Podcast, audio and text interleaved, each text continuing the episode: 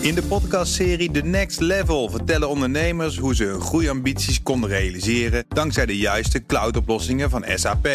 Wat waren de uitdagingen, de oplossingen en hoe ging de uiteindelijke implementatie? Benieuwd naar hun verhalen en hoe zij met behulp van SAP ook hun toekomstige ambities kunnen behalen? Luister de podcast The Next Level via de BNR-app of je favoriete podcast-app.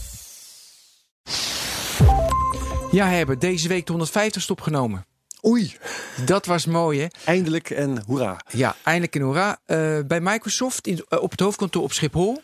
Met live publiek. Live publiek. Wat we altijd zo ontzettend leuk vinden. Heel leuk. En eh, het was een groot festijn en een groot feest. En we beginnen de uitzending met een applaus. Dankjewel.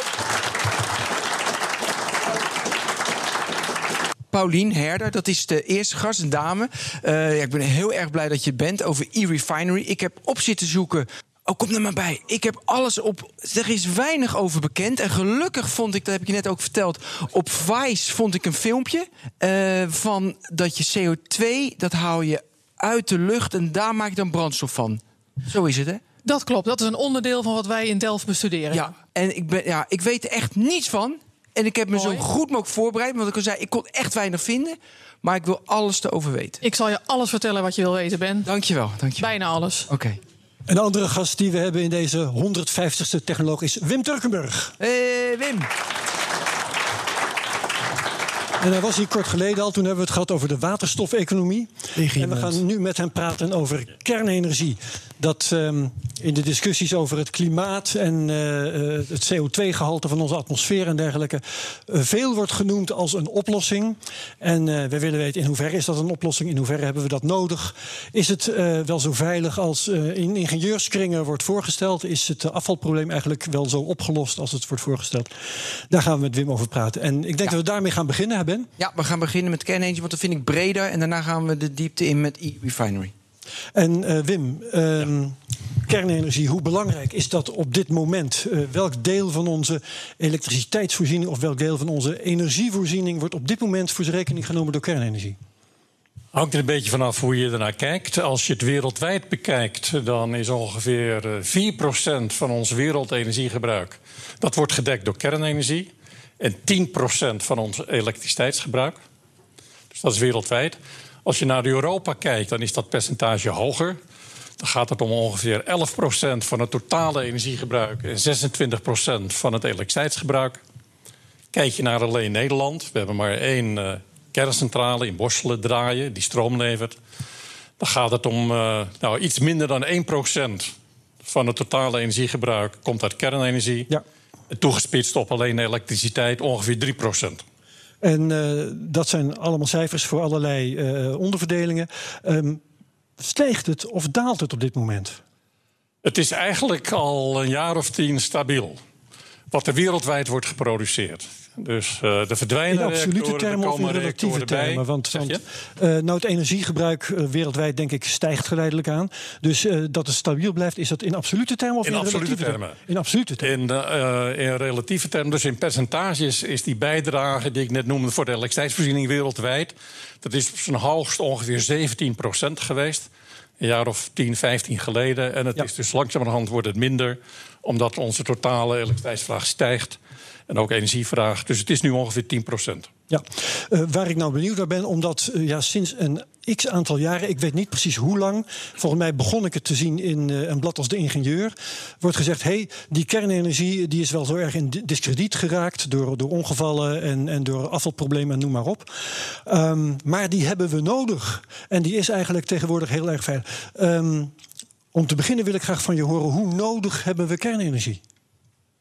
Nou, het is niet zo dat als je zegt: ik wil geen kernenergie, dat dan wij een groot energietekort krijgen. Nee, want het was maar een paar procent. Het is net. nu maar een paar procent, Ja. eh, zou je kunnen zeggen. Als je kijkt, er zijn allerlei scenario-studies gedaan voor het jaar 2050. En dan loopt die bijdrage van kernenergie uiteen tussen 0 en ongeveer 200 exajoule op zijn hoogst. Dat is bijna 40% van ons totale huidige energiegebruik. Dus het kan in scenario-studies geweldig Ja. variëren. Maar het is dus niet zo dat het per se een noodzaak is. Nee. En hoe los je het op als je het niet doet? Als je het niet doet, uh, dan zul je het uiteraard uit andere bronnen moeten halen, je energie en vooral ook de elektriciteit. En dan praten we over hernieuwbare energiebronnen. Zon en wind, biomassa, geothermie. Maar dat red je dus wel, dat zou kunnen. Niet alleen daarmee, ja, je komt er een heel eind nou, Je zegt nul, dus dan neem ik aan dat het ook... Jawel, maar niet alleen hernieuwbare bronnen. Je moet ook dan denken aan uh, bijvoorbeeld uh, biomassa, heb ik geloof ik nog niet genoemd, als energiebron. Maar ook aan bijvoorbeeld aardgas, waarbij je de CO2 afvangt en ondergronds opslaat. Ja. Maar ik, ben, ehm, ik, ik eh, verwoord steeds een, eh, een opvatting uh, nou, die ik dan maar even toeschrijf, gemakshalve aan ingenieurs. Hè, dat, zo vaag hou ik het maar eventjes. Um, die luidt: um, we willen een steeds groter deel van wat nu de fossiele brandstof, het aandeel van de fossiele brandstof, willen we vervangen door iets. We kunnen dat niet allemaal vervangen door duurzame energie. Al was het maar omdat die duurzame energie niet zo berekenbaar is. Dus die kernenergie hebben we om die reden uh, nodig in een steeds groter percentage. Ja. Dat is het verhaal. Nou, kijk, wij, wij hebben uh, toegespitst op heel Europa. Maar dan met allerlei landen daarbinnen een model draaien in Utrecht. Waarbij we de elektriciteitsvoorziening van uur tot uur kunnen simuleren. En dan kijken wij voor het jaar 2050. Stel nou dat je nul uitstoot van CO2 moet hebben. Bijvoorbeeld, ja. Of zelfs negatieve uitstoot bekijken we. He, dat je netto CO2 uit de lucht haalt. Dan gaan we dat is Pauline de ja. ja. ja. Maar dus zeg maar nul uitstoot. Aan de andere kant wil je dat de energievoorziening, de elektriciteitsvoorziening, net zo betrouwbaar is als nu. Ja. Dus dat je bijna altijd stroom kunt krijgen als je dat wilt. En tegelijkertijd wil je dat het zo goedkoop mogelijk wordt. En dan moet je natuurlijk allerlei aannamen in zo'n model stoppen. Maar als we dan gaan rekenen, dan rolt daar ongeveer uit dat je het goedkoopst onder die randvoorwaarden stroom krijgt van ongeveer een derde uit zon en wind komt, een derde uit kernenergie en een derde uit alle andere bronnen. Het goedkoopst. En dat is het goedkoopst. Dan voldoet het nog steeds aan alle eisen van dat. En dan voldoet het aan alle De lichten niet uitgaan uh, op uh, 21 december uh, s'avonds als iedereen. Precies. Nou ja. precies. Nee, maar dat, ook de dat, uitstoot is dan ook oké. Okay. En dan heb je dus inderdaad nul uitstoot van, uh, van, van, CO2. Maar dan heb je bijvoorbeeld, ik noem een derde, een derde, een derde. In die een derde niet zon en wind en ook niet kernenergie. Er zit dan bijvoorbeeld biomassa met het afvangen van CO2, wat je dan ondergronds opslaat. Ja. Dan heb je negatieve emissies, zoals dat wordt genoemd, van, CO, van, van CO2. Ja. Uh, maar er zitten dus ook bijvoorbeeld aardgascentrales met CO2-afvang en, en, en, en, opslag. Dus dat kan. Als je kijkt naar het beleid wat wij in Nederland voeren, dan is het beleid dat wij willen. Kijk naar het jaar 2030, dat ongeveer 60 tot 70 procent van onze stroom uit hernieuwbare bronnen komt. Dus wij hebben in ons model ook gestopt. Zeg, stel nou dat ongeveer 60% van de stroom moet komen uit zon en wind. Dan moeten we heel veel vermogen op de Noordzee neerzetten. We moeten heel veel oppervlakte in Nederland gaan bedekken met zonnecellen, maar ook in de rest van Europa. Technisch kan dat. Als we richting die 60, 70 procent gaan, dan wordt kernenergie zo onaantrekkelijk, omdat je eerst zon en wind gaat gebruiken. De zon en wind zijn gratis. En pas als je dat niet hebt, ga je die kerncentrale aanzetten. Dan maakt die heel weinig draaiuren. Dus dan zakt die van 8000 uur, wat normaal is, gaat het naar de 6000, misschien zelfs 4000 uur. Hangt er vanaf hoe, hoe ver je gaat met die zon- en windpenetratie. En dan wordt kernenergie zo duur dat het niet meer aantrekkelijk is. Ja, maar je zegt het gunstigste is een derde, een derde, een derde. Ja? Ja, met, met, met onder een aantal voorwaarden. Het goedkoopst. Ja. Dus daar ga ik ervan uit, als dat het beste is, dan moet je voor dat scenario gaan. Maar dat scenario kiezen we niet. Dus Nee. dan vraag ik me af, waarom kies je niet het beste scenario? Nou ja, we hebben in Nederland een beleid eh, en ook in Europa dat zich eh, niet echt op kernenergie richt. De Europese Commissie die, ja, die stimuleert wel onderzoek, maar bevordert niet de bouw. Er zijn eigenlijk geen afspraken over van, van kerncentrales, wel van hernieuwbare bronnen. Dat hebben we ook in Nederland. Dus dat willen we sterk stimuleren. Daar geven we ook geld aan. En omdat we daar geld aan geven, subsidies, zie je dat er toegepast wordt dat die prijs van zonnecellen steeds goedkoper wordt. Die windturbines worden steeds goedkoper. Ja. Bij, bij kernenergie is de afspraak, ook eh, dan van de regering, minister Wiebes, dat, eh, mag, dat mag neergezet worden. Energiebedrijf vraagt maar een vergunning aan. Maar je moet het helemaal zelf betalen. Ook het afval en ook afval, ongevallen. Maar ja, en het is zelfs zo dat, dat daar, en dat begrijp ik, ook is gezegd van. En als die centrale wordt opgestart, al bij het begin, moet je ook al het geld in de pocket hebben... op een, een of andere manier om hem ook weer meteen af te kunnen breken. Ja. Dus als we een nieuwe kerncentrale in Nederland willen bouwen... dan moet je denken aan ongeveer, dat gaat 10 miljard kosten. Ja.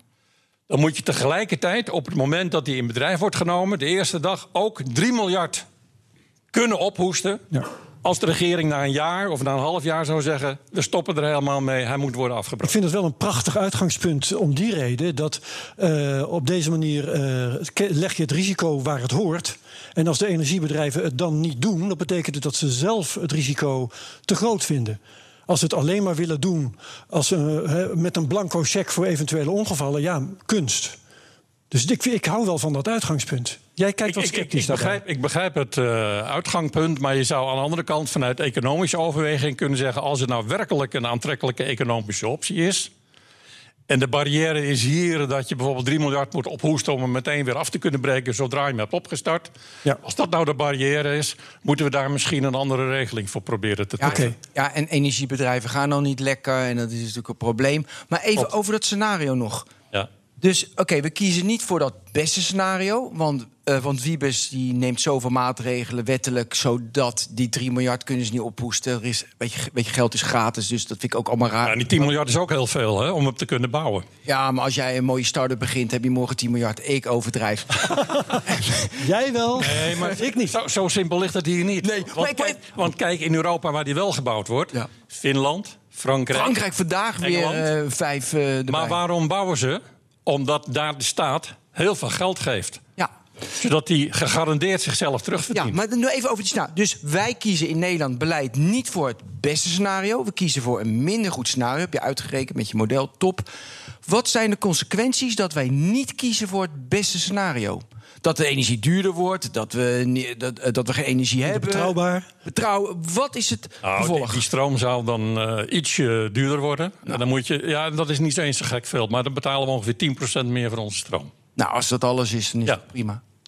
Nee, Ja, maar zijn er als- nog meer negatieve consequenties van niet het beste Nou, je hebt natuurlijk kiezen? een risico in de zin van... eh, je gokt dan dat al die andere opties er zonder meer gaan komen. Dat er bijvoorbeeld heel veel windturbines op de Noordzee komen. Ja. Dat we niet alleen zonnecellen op daken van huizen... allemaal gaan volleggen, alle daken van huizen... Ja. Maar ook nog heel veel vermogen bijna het oppervlak van de provincie Utrecht... leggen we vol met zonnecellen. Jij vindt het dat risico levert weerstanden op, zoals Ja. je weet. En eh, dus je- we zetten biomassa in in het andere scenario. Nou, daar is ook discussie Nou. over. We zetten nog steeds wat aardgas in. Dat moet dan uit bijvoorbeeld Rusland komen. Daar zijn dus ook risico's bij. Dus je hebt risico's dat misschien dat, dat, dat andere scenario toch eh, tegenvalt. Oei, en dan? Ja, dat begrijp ik heel goed. En dan? Nou ja, je vroeg wat zijn de gevolgen van als je niet voor Ja, kernenergie maar jij kiest. moet... Nee, nee, nee, nee. Dat zijn dus keuzes die uiteindelijk politiek moeten worden afgewogen. Ja, en ik dus wil- je kunt het realiseren, maar er zijn altijd risico's. Kijk, en, en vanuit risicooverweging eh, moet je zeggen in de energievoorziening... als het maar enigszins kan, moet je voor meerdere ankers gaan liggen. Niet voor één of twee of drie. Als je er vier Spreiden. betrouwbaar hebt. Ja. Spreiding van risico's. Maar je kunt wel eisen stellen aan die techniek. Dus je kunt bijvoorbeeld bij kernenergie zeggen, dat doen we bij biomassa ook, ze moeten aan duurzaamheidscriteria voldoen. Dan kom je op die vragen van hoe veilig zijn ze? Juist, want daar wou ik het Hoe over hebben. ga je met het afval om? Nou, geef me antwoorden. Ja, Nou, die huidige kern- stellen de vragen met antwoorden. Dus. Die huidige kerncentrales die zijn eh, eh, zeer veilig. De huidige, dat wil zeggen, die je nu zou neerzetten. die je nu zou bouwen. Dus de centrale die je nu zou bouwen, wat ze bijvoorbeeld in Engeland op dit moment doen, of in Finland, dat heet dan de European Pressurized Water Reactor. Die is ongeveer een factor 10 veiliger nog dan de reactor die in, eh, die in Borselen draait. En wat is dan precies veiliger? Dat die niet ontploft, maar Nee, nee, nee, nee, nee. Wat nee. is dan veiliger? Bij dit type reactor is het nog steeds zo dat er iets heel ernstig mis kan gaan. De kans is alleen buitengewoon klein. Maar dat een ongeval zoals je in Tsjernobyl of in, in Fukushima had, kan dan nog steeds in principe plaatsvinden. En wat doen ze dan waardoor die kans geminimaliseerd wordt? Ja, je hebt extra technieken toegepast. Ja, welke techniek? Maar die technieken die maken die reactor dus eh, weer een stuk duurder. Er is bijvoorbeeld nog dikkere betonwanden. Oh, zo simpel. Systemen, no-systemen dubbel uitvoeren. Eh, niet, niet één dubbel, eh, twee dubbel, drie dubbel, soms wel vier dubbel. Als er een ongeluk zou gebeuren, voorkomen dat die stoffen zeg maar, kunnen, zich kunnen gaan verspreiden, zoveel mogelijk buiten de reactor. Uh, Maar je maar vind ik- beschermen tegen vliegtuigen die erin kunnen slaan. maar ik vind het wel een Terroristen beetje- die met drones aankomen en daar misschien een ontploffing Ja, plaats laten ja, ja, vinden. ja, goeie. Maar ik vind dat een beetje archaïsche oplossingen. Is er niet een. Ja, weet je, dikke beton. Dat deden ze al in de. Toch, Paulien? Dat is toch. Ja, maar het zijn wel goede safety oplossingen. Jawel, maar het is niet. Het klinkt heel archaïs beton, maar het is Ja. best wel mooi materiaal... en ook best wel goed voor beveiligen van reactoren. Nee, maar ik heb er een ik denk- ander soort vraag, beton. een ander soort vraag over. Want eh, jij zegt, Wim, die kansen zijn ontzettend klein.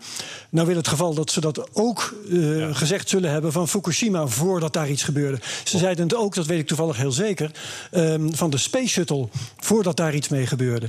En dan waar. denk ik, moet je horen, we hebben nu al twee exclusion zones eh, in de wereld. Hoeveel en hoe groot eh, kunnen we ze ons permitteren om te hebben?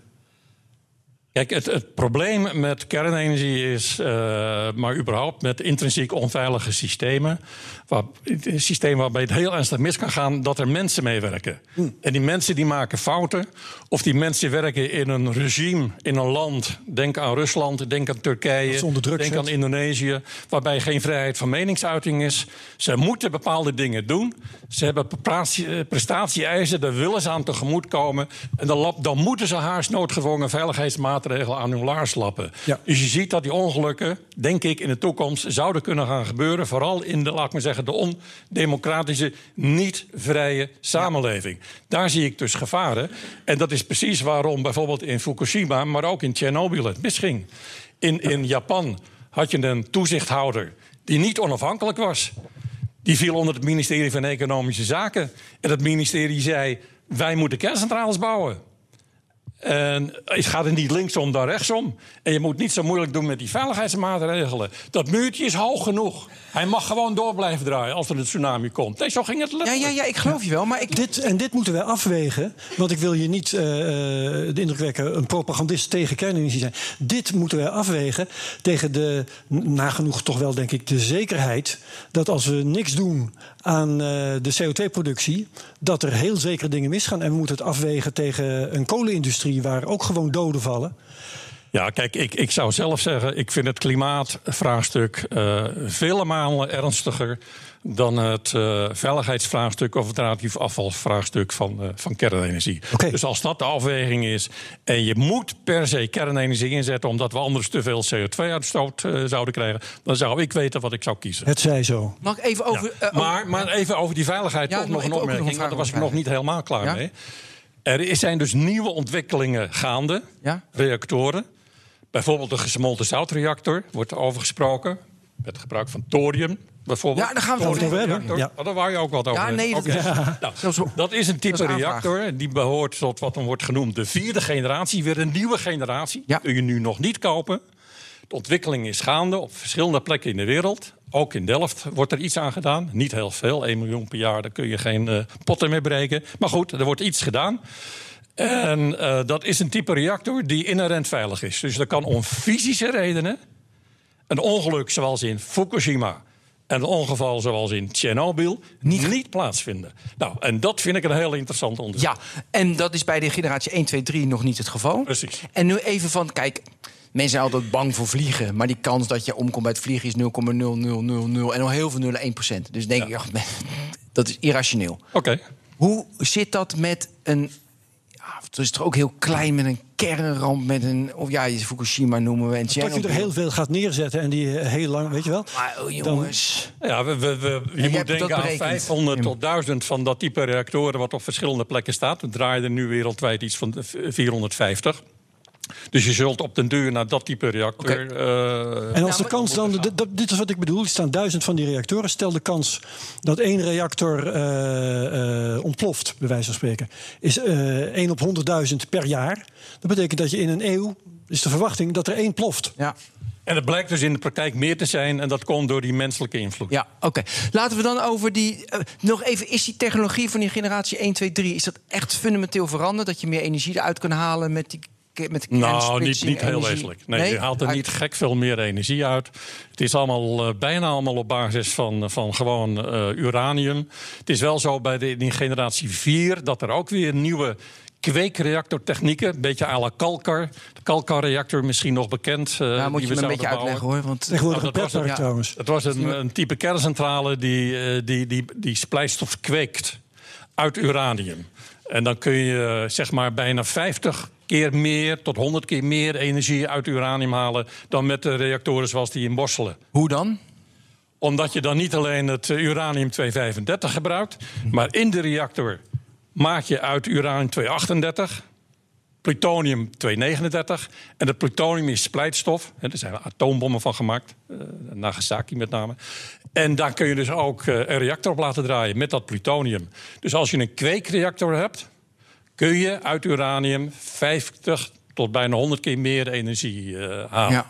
Nou, en het, het, grappige bij een thoriumreactor is dat die in feite ook kweekt.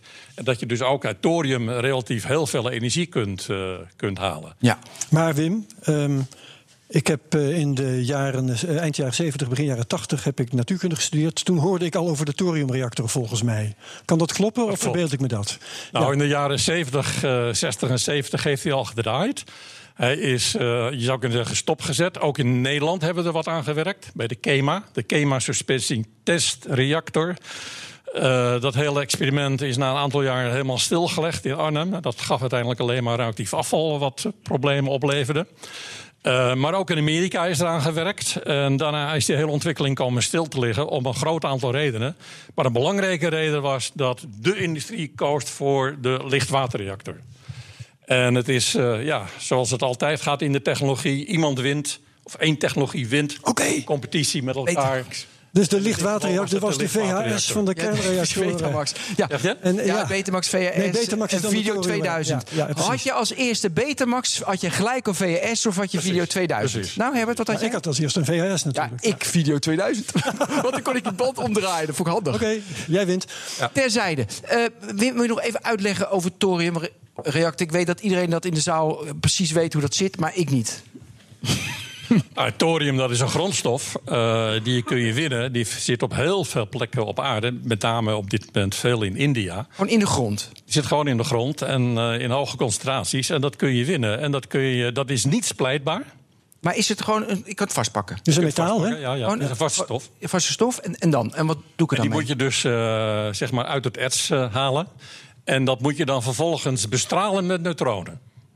Dus je moet het in een conventionele, zou je kunnen zeggen, kerncentrale eerst laten draaien. Dan bestraal je het met neutronen. Dus je, je splijt U235 of plutonium 239. Heerlijk. Splijt je, die krijgt heel veel neutronen. Met die neutronen hou je je reactor draaiende. Maar ook heb je neutronen over die je dan laat stralen op dat uh, thorium. Ja? Dat thorium wordt omgezet in uranium 233.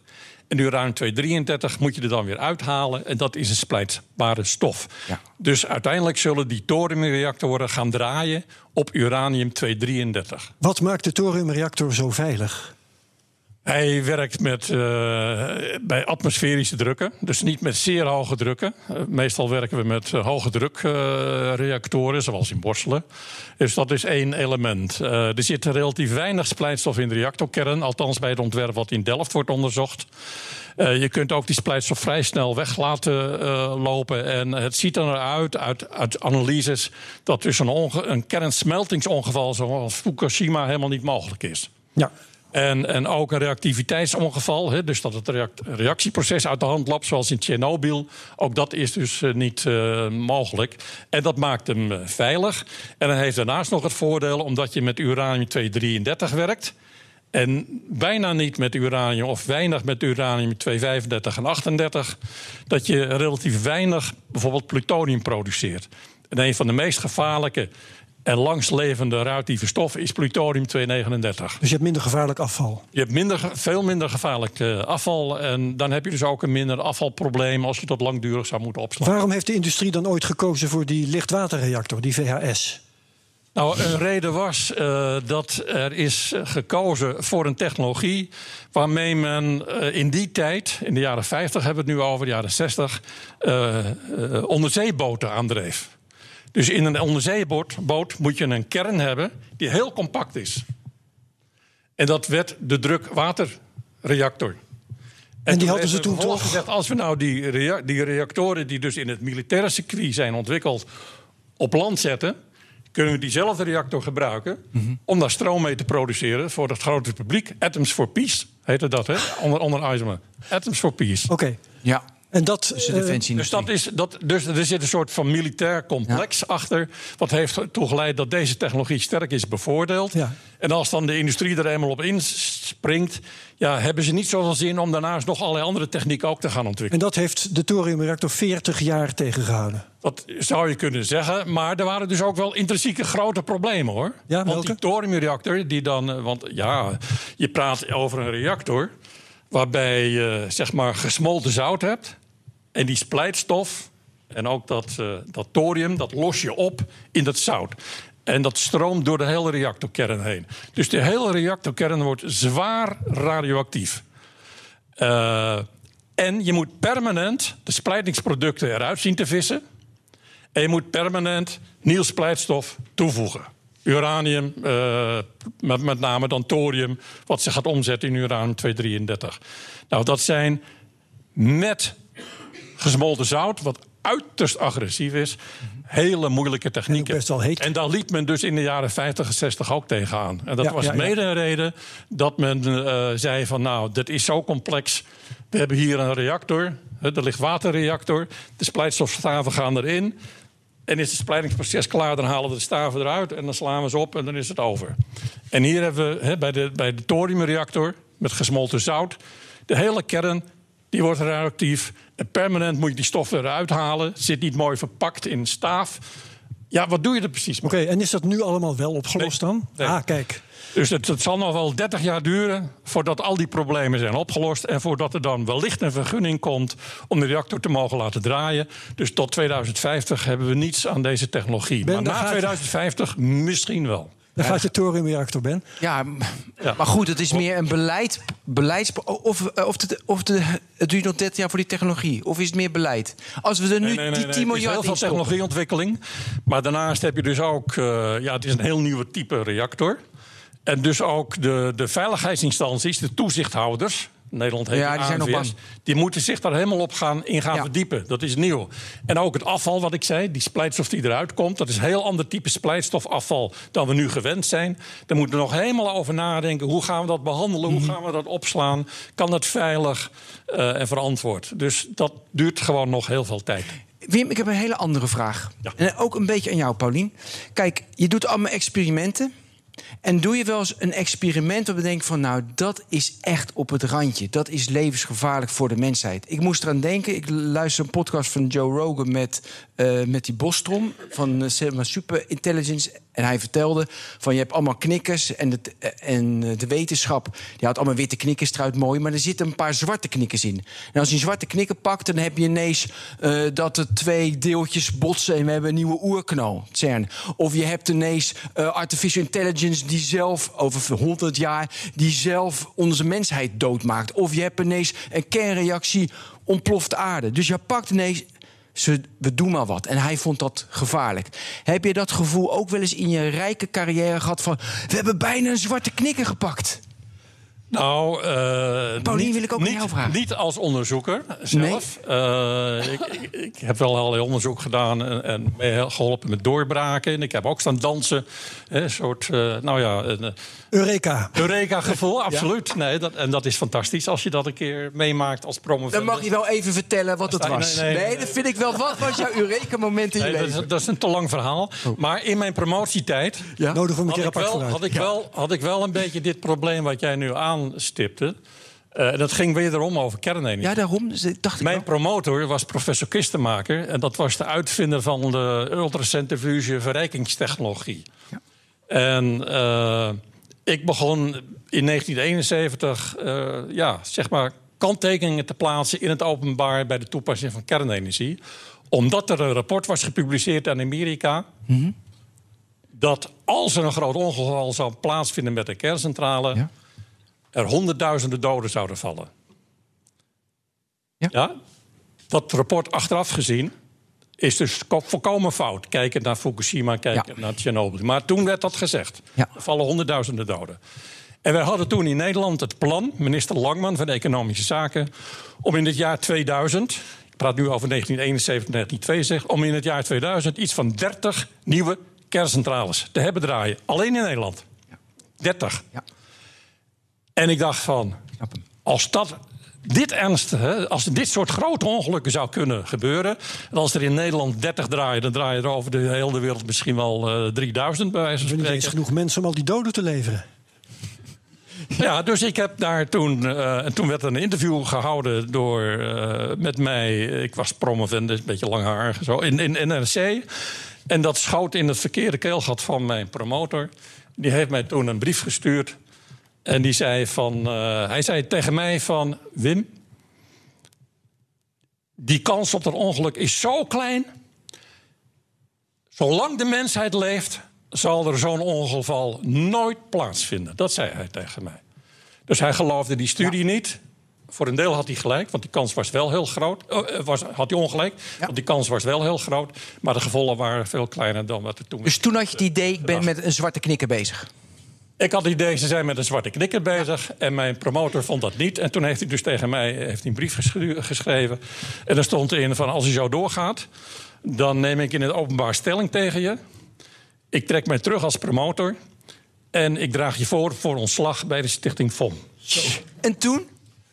heel persoonlijk dit, maar even, en toen? Nou ja, wij je, hadden, je liet je niet ik, ik, chanteren, hoop ik, hè? Nee, nee, nee. nee, nee dat is gewoon... Ik, ik had toen uh, contacten in een werkgroep. Bespraken we dit. Ja, ja jaren uh, 70. Dan bespreken we jaren 70. Nou, Roel van Duin en zo, een beetje in, ja, in die sfeer. Allemaal lang haar, ja. En uh, daar zat ook Arie de Kool bij. En die was journalist van NRC Handelsblad. En toen kwam de afloop Arie de Kan. Ik vertelde gewoon dat mij dit was overgekomen. En er waren twee andere mensen uit onze groep uh, bij TNO en bij het TH in Eindhoven... die dezelfde ervaringen ongeveer hadden. En toen zei Arie de Kool tegen mij na afloop van dat gesprek... vind jij het goed als ik daar een stuk over publiceer in de NRC? Toen zei ik, ja Arie, als je dat aan mij vraagt, zeg ik nee. en wat zei hij dus? Nou, dan vraag ik het niet. Hij zei het niet, maar hij deed het niet. Hij vroeg het niet. En hij publiceerde het. Op de voorpagina. En er stond op de voorpagina kernforces onder druk gezet. Toen kwamen de vragen in het parlement. Toen heeft het parlement, uh, uiteindelijk de minister, de staatssecretaris voor wetenschap, uh, Klein die, die uh, heeft een commissie in het leven geroepen. De voorzitter was professor Casimir. Uh, toen uh, president van de Koninklijke Nederlandse Academie van Wetenschap. In die commissie heeft dat uitgezocht. En die kwam na afloop, uh, na een half jaar, met de conclusie dat in mijn geval de vrijheid van meningsuiting en de academische vrijheid waren aangetast. Ja. Dus ja, je zou kunnen zeggen, bij een promotor heeft een publieke terechtwijzing gekregen. En ben je nog netjes gepromoveerd? Nou ja, we hebben afspraken erover gemaakt. hij wilde dus dat als ik iets zou publiceren in de krant, dat hij het eerst te zien kreeg. En toen heb ik twee dingen gedaan. A, als ik het in een vaktijdschrift iets publiceerde, onder andere in Ingenieur, over risicoanalyse had ik een artikel gepubliceerd. Dat heb ik aan hem gegeven. En hij had altijd de neiging om dat helemaal rood zo ongeveer terug te geven. Er is niks mis mee trouwens, want ik doe het zelf ook. bij mijn promovendi. Maar het is gewoon kritisch kijken, meedenken. Maar als het in een uh, publieke, uh, zeg maar, openbare krant was, ben ik, uh, heb ik een paar artikelen onder schuilnaam Wim. gepubliceerd. Wim. Maar uiteindelijk ben ik ja. gewoon gepromoveerd bij Kistenmakker. Ja. Mooi, maar eigenlijk, mijn conclusie van dit verhaal is ook... was vandaag, en dit luisteren mensen later... maar was, stond in het FD dat uh, Frankrijk bouwt weer vijf nieuwe kerncentrales erbij. En Frankrijk heeft er heel veel, het is voorlopen in Europa. Eigen... Sluiten er ook, hè? Hm? Ze sluiten er ook. Ze sluiten ook, maar, maar er komen ja. meer bij. Ja. Eigenlijk door dit, deze anekdote heeft Nederland dus minder kern, zijn wij niet zo voor kernenergie. Dit heeft ermee. Ik denk dat dit de, de, de bron is. Of geef nou, je nu te veel ja, Wim, kom op. Ben je nou de bron van het kwaad? Nee, nee, nee. nee? Dat vind ik... Kijk, ik, ik, ik zat wel helemaal aan de basis van het debat over. Wij riepen toen op in 1972 uh, en 74 voor een bezinningsperiode. Dus wij wilden Precies. de bezinningsperiode gaan goed nadenken. Hebben we kernenergie werkelijk nodig? Zijn er geen alternatieven? Kunnen we die minder energie gebruiken? Uh, wat mag je toen, toen zeiden we ook nog van kolen verwachten. Wat ja. mag je van, van gas en van, van hernieuwbare bronnen verwachten? Dus we hebben daar gewoon gezegd, ga je bezinnen... voordat je een besluit neemt om twee of drie nieuwe kerncentrales erbij ja. uh, te bouwen. En dus interessant, toen had je dus lang haar... en je werkte op de, dus je had lang haar in de jaren 70. Toen was je dus eigenlijk een beetje tegen, hield het tegen. En nu ben je voor een derde, een derde, een derde. Dus is nu ben je meer pro geworden. Nu je nou, nee, oud nee, nee. Ik, ik, ik geef gewoon een uitslag van een wetenschappelijke studie. Oké, maar het is niet je Dat is de persoonlijk... een derde, een derde, de een derde. Mijn persoonlijke mening is dat je duurzaamheidscriteria moet toepassen bij Daar kernenergie. wil ik het nog over hebben. En dat de veiligheid eh, zodanig goed moet zijn dat een reactor inherent veilig is. Dus ik ben niet een voorstander van een bouw van de, Europe- de EPR, zoals die in Engeland en Finland Ja. en Frankrijk plaatsvindt. Maar ik ben wel voor het doen van onderzoek naar bijvoorbeeld de gesmolten zoutreactor, als dat een goede technologie zou zijn. Want die kan leiden tot een inherent veilige kerncentrale. Nou, ik denk, maar, ik denk dat Wim eh, jouw anekdote ook raakt aan een enorm relevant onderwerp: vrij onderzoek. Hij praat over de ethiek van vrij onderzoek. Wat voor ruimte heb je als onderzoeker om dingen te onderzoeken? En ik denk dat het cruciaal is om meerdere eieren in dat mandje, niet in hetzelfde mandje te gooien, maar verschillende dingen te blijven onderzoeken, waaronder dus ook kernenergie. En als uit studies blijkt, die modellen die in Utrecht draaien, als daaruit blijkt dat in sommige scenario's onder allerlei assumpties kernenergie eruit kan komen, nou dan is dat zo. En dan kan je als wetenschapper ja, dan kan je er wel een mening over hebben. Maar het is niet de rol van de wetenschapper om daar een persoonlijke mening over te hebben. Merk jij in jouw onderzoek in Delft dat dat vrije onderzoek dat dat onder druk staat? Nee, niet in de zin dat wij verteld worden wat te doen. Nee, maar, Maar wel wat elke wetenschapper zal zeggen: funding, gebrek aan geld om vrij onderzoek mee te kunnen doen. Ja. En we hebben natuurlijk allemaal het maatschappelijk debat gezien. En de minister die meer geld in techniek en beta-onderzoek wil stoppen. ten koste van gamma-wetenschappen, wat geen goed idee is. Ehm, dus in die zin staat vrij en breed onderzoek in Nederland onder druk. Maar er is gewoon gebrek aan funding. Ik wil eh, ter afsluiting van dit onderwerp, want we moeten inderdaad naar eh, Paulien. Eh, Wim, je hebt, nu nog, eh, je hebt nu twee keer het woord ehm, duurzaamheidscriteria genoemd. Ja. En ik wil weten wat dat zijn. Dat wil zeggen, ik kan me daar best iets bij voorstellen, maar dus blijkbaar, is- blijkbaar circuleert er een lijstje criteria Ja. waar een duurzame methode van energievoorziening aan moet voldoen. Ja, geformuleerd door de Kun je even Milieubeweging. Geformuleerd door de Milieubeweging Ja. tien jaar geleden. Toen de SER, Sociaal-Economische Raad, een rapport uitbracht over kernenergie. En ik was daarbij bij betrokken in de, in de begeleidende sfeer. En eh, de Milieubeweging die kwam toen met een lijstje van eisen. Dat was onder andere die inherente veiligheid. En als er dan toch nog iets gebeurt eh, binnen de reactor, dan mocht die radioactiviteit niet buiten de poort komen. Ik denk dat met die inherent veilige reactor dat het geval, daar, de- dat het geval is. De levensduur van het afval zou eigenlijk na 300 jaar niet groter moeten zijn dan de radioactiviteit van de oorspronkelijke brandstof, uranium of thorium. Ik denk dat je met de eh, gesmolten zoutreactor een heel eind in die richting komt. Misschien is het geen 300 jaar, maar 500 jaar, 600 jaar. Maar goed, ik vind dat bespreekbaar. Als je dan afval hebt wat na, na 300 tot 600 jaar niet meer radio of nauwelijks meer radioactief is. Dat kunnen we in mijn ogen dan ook nog bovengronds opslaan. Je wil een reactor hebben dat veel minder leidt tot het produceren van splijtstoffen, wat je voor militaire toepassingen zou kunnen gebruiken. Nou, het lijkt dat als je met, eh, maar daar zijn vragen over, dat moet verder onderzocht worden. Als je met thorium werkt, dat je wellicht ook daar eh, winst eh, boekt. Nou, verder moet hij natuurlijk economisch competitief zijn met andere opties. Daar ligt dus tot op zekere hoogte een probleem. En wat de Milieubeweging heeft gezegd is van ik wil ook, of zij willen ook, dat we al nu weten, voordat er een nieuwe reactor wordt gebouwd, wat we met het afval definitief gaan doen. Want we slaan het nu in, in, in Zeeland bij de Covra bovengronds op voor 100 jaar. Maar er moet een definitieve oplossing komen. En waar gaan we dat laten op langere termijn? Nou, daarvan heeft een beweging dat moeten we dus opgelost hebben, dat vraagstuk, voordat we weer nieuw afval erbij gaan Maar is daar ook overeenstemming over? Ja, of is dat dus een we- Nee, eenzijdige... nee, nee, want dat is nog niet, voor Nederland nog niet echt opgelost. Er zijn wel denkrichtingen. En bijvoorbeeld Finland is er al heel ver mee. Die slaat het op in, in, in, Nee, in, dat bedoel ik. Ik bedoel die duurzaamheidscriteria. Die schrijf jij toe aan de milieubeweging. Dus eh, heeft de regering zich daarmee Nee, nee, eh, nee, nee. akkoord Nee, verklaard? nee, dat zal een politiek debat moeten zijn. Ja. Maar eh, het denken in termen van duurzaamheidscriteria is niet nieuw. Want in feite doen we dat ook met fossiel. Als we zeggen we mogen vanaf 2000 geen CO2 meer uitstoten. Dat begrijp ik, maar dat zou, het zou heel Of als je makkelijk zijn. biomassa, precies hetzelfde. Dat moet ook aan Ja, duurzaamheidscriteria. het zou heel makkelijk zijn als je voor elke energievorm een checklist zou Ja. hebben die- waar je even langs ging. Ja. En daarom is mijn vraag ook: bestaat er zo'n, ik noem het dan maar, Geen officiële. ont- ontwerplijst voor, fossiele brandstoffen? Eh, ja, eh, en die ligt heel erg voor de hand. uh, niet bijdragen aan verzuring, stikstofuitstoot, et cetera. Oh ja. Maar daarnaast natuurlijk het CO2-probleem. Het mag geen CO2 uitstoten. Dus we moeten gewoon zeggen, als we fossiele brandstof... en ik denk dat we dat in 2050 nog steeds gebruiken, fossiel... ook gas, en dat zal dan waarschijnlijk van overal in de wereld komen. Maar ik denk in Nederland met name dat we dan toch ook nog wel fossiel uh, zullen gebruiken, gas. Maar dan moet je dat combineren met het afvangen en opslaan van CO2. Dus je moet bijvoorbeeld eerst dat gas omzetten in waterstof. Er komt CO2 bij vrij. In die CO2 die ga je ondergronds opslaan.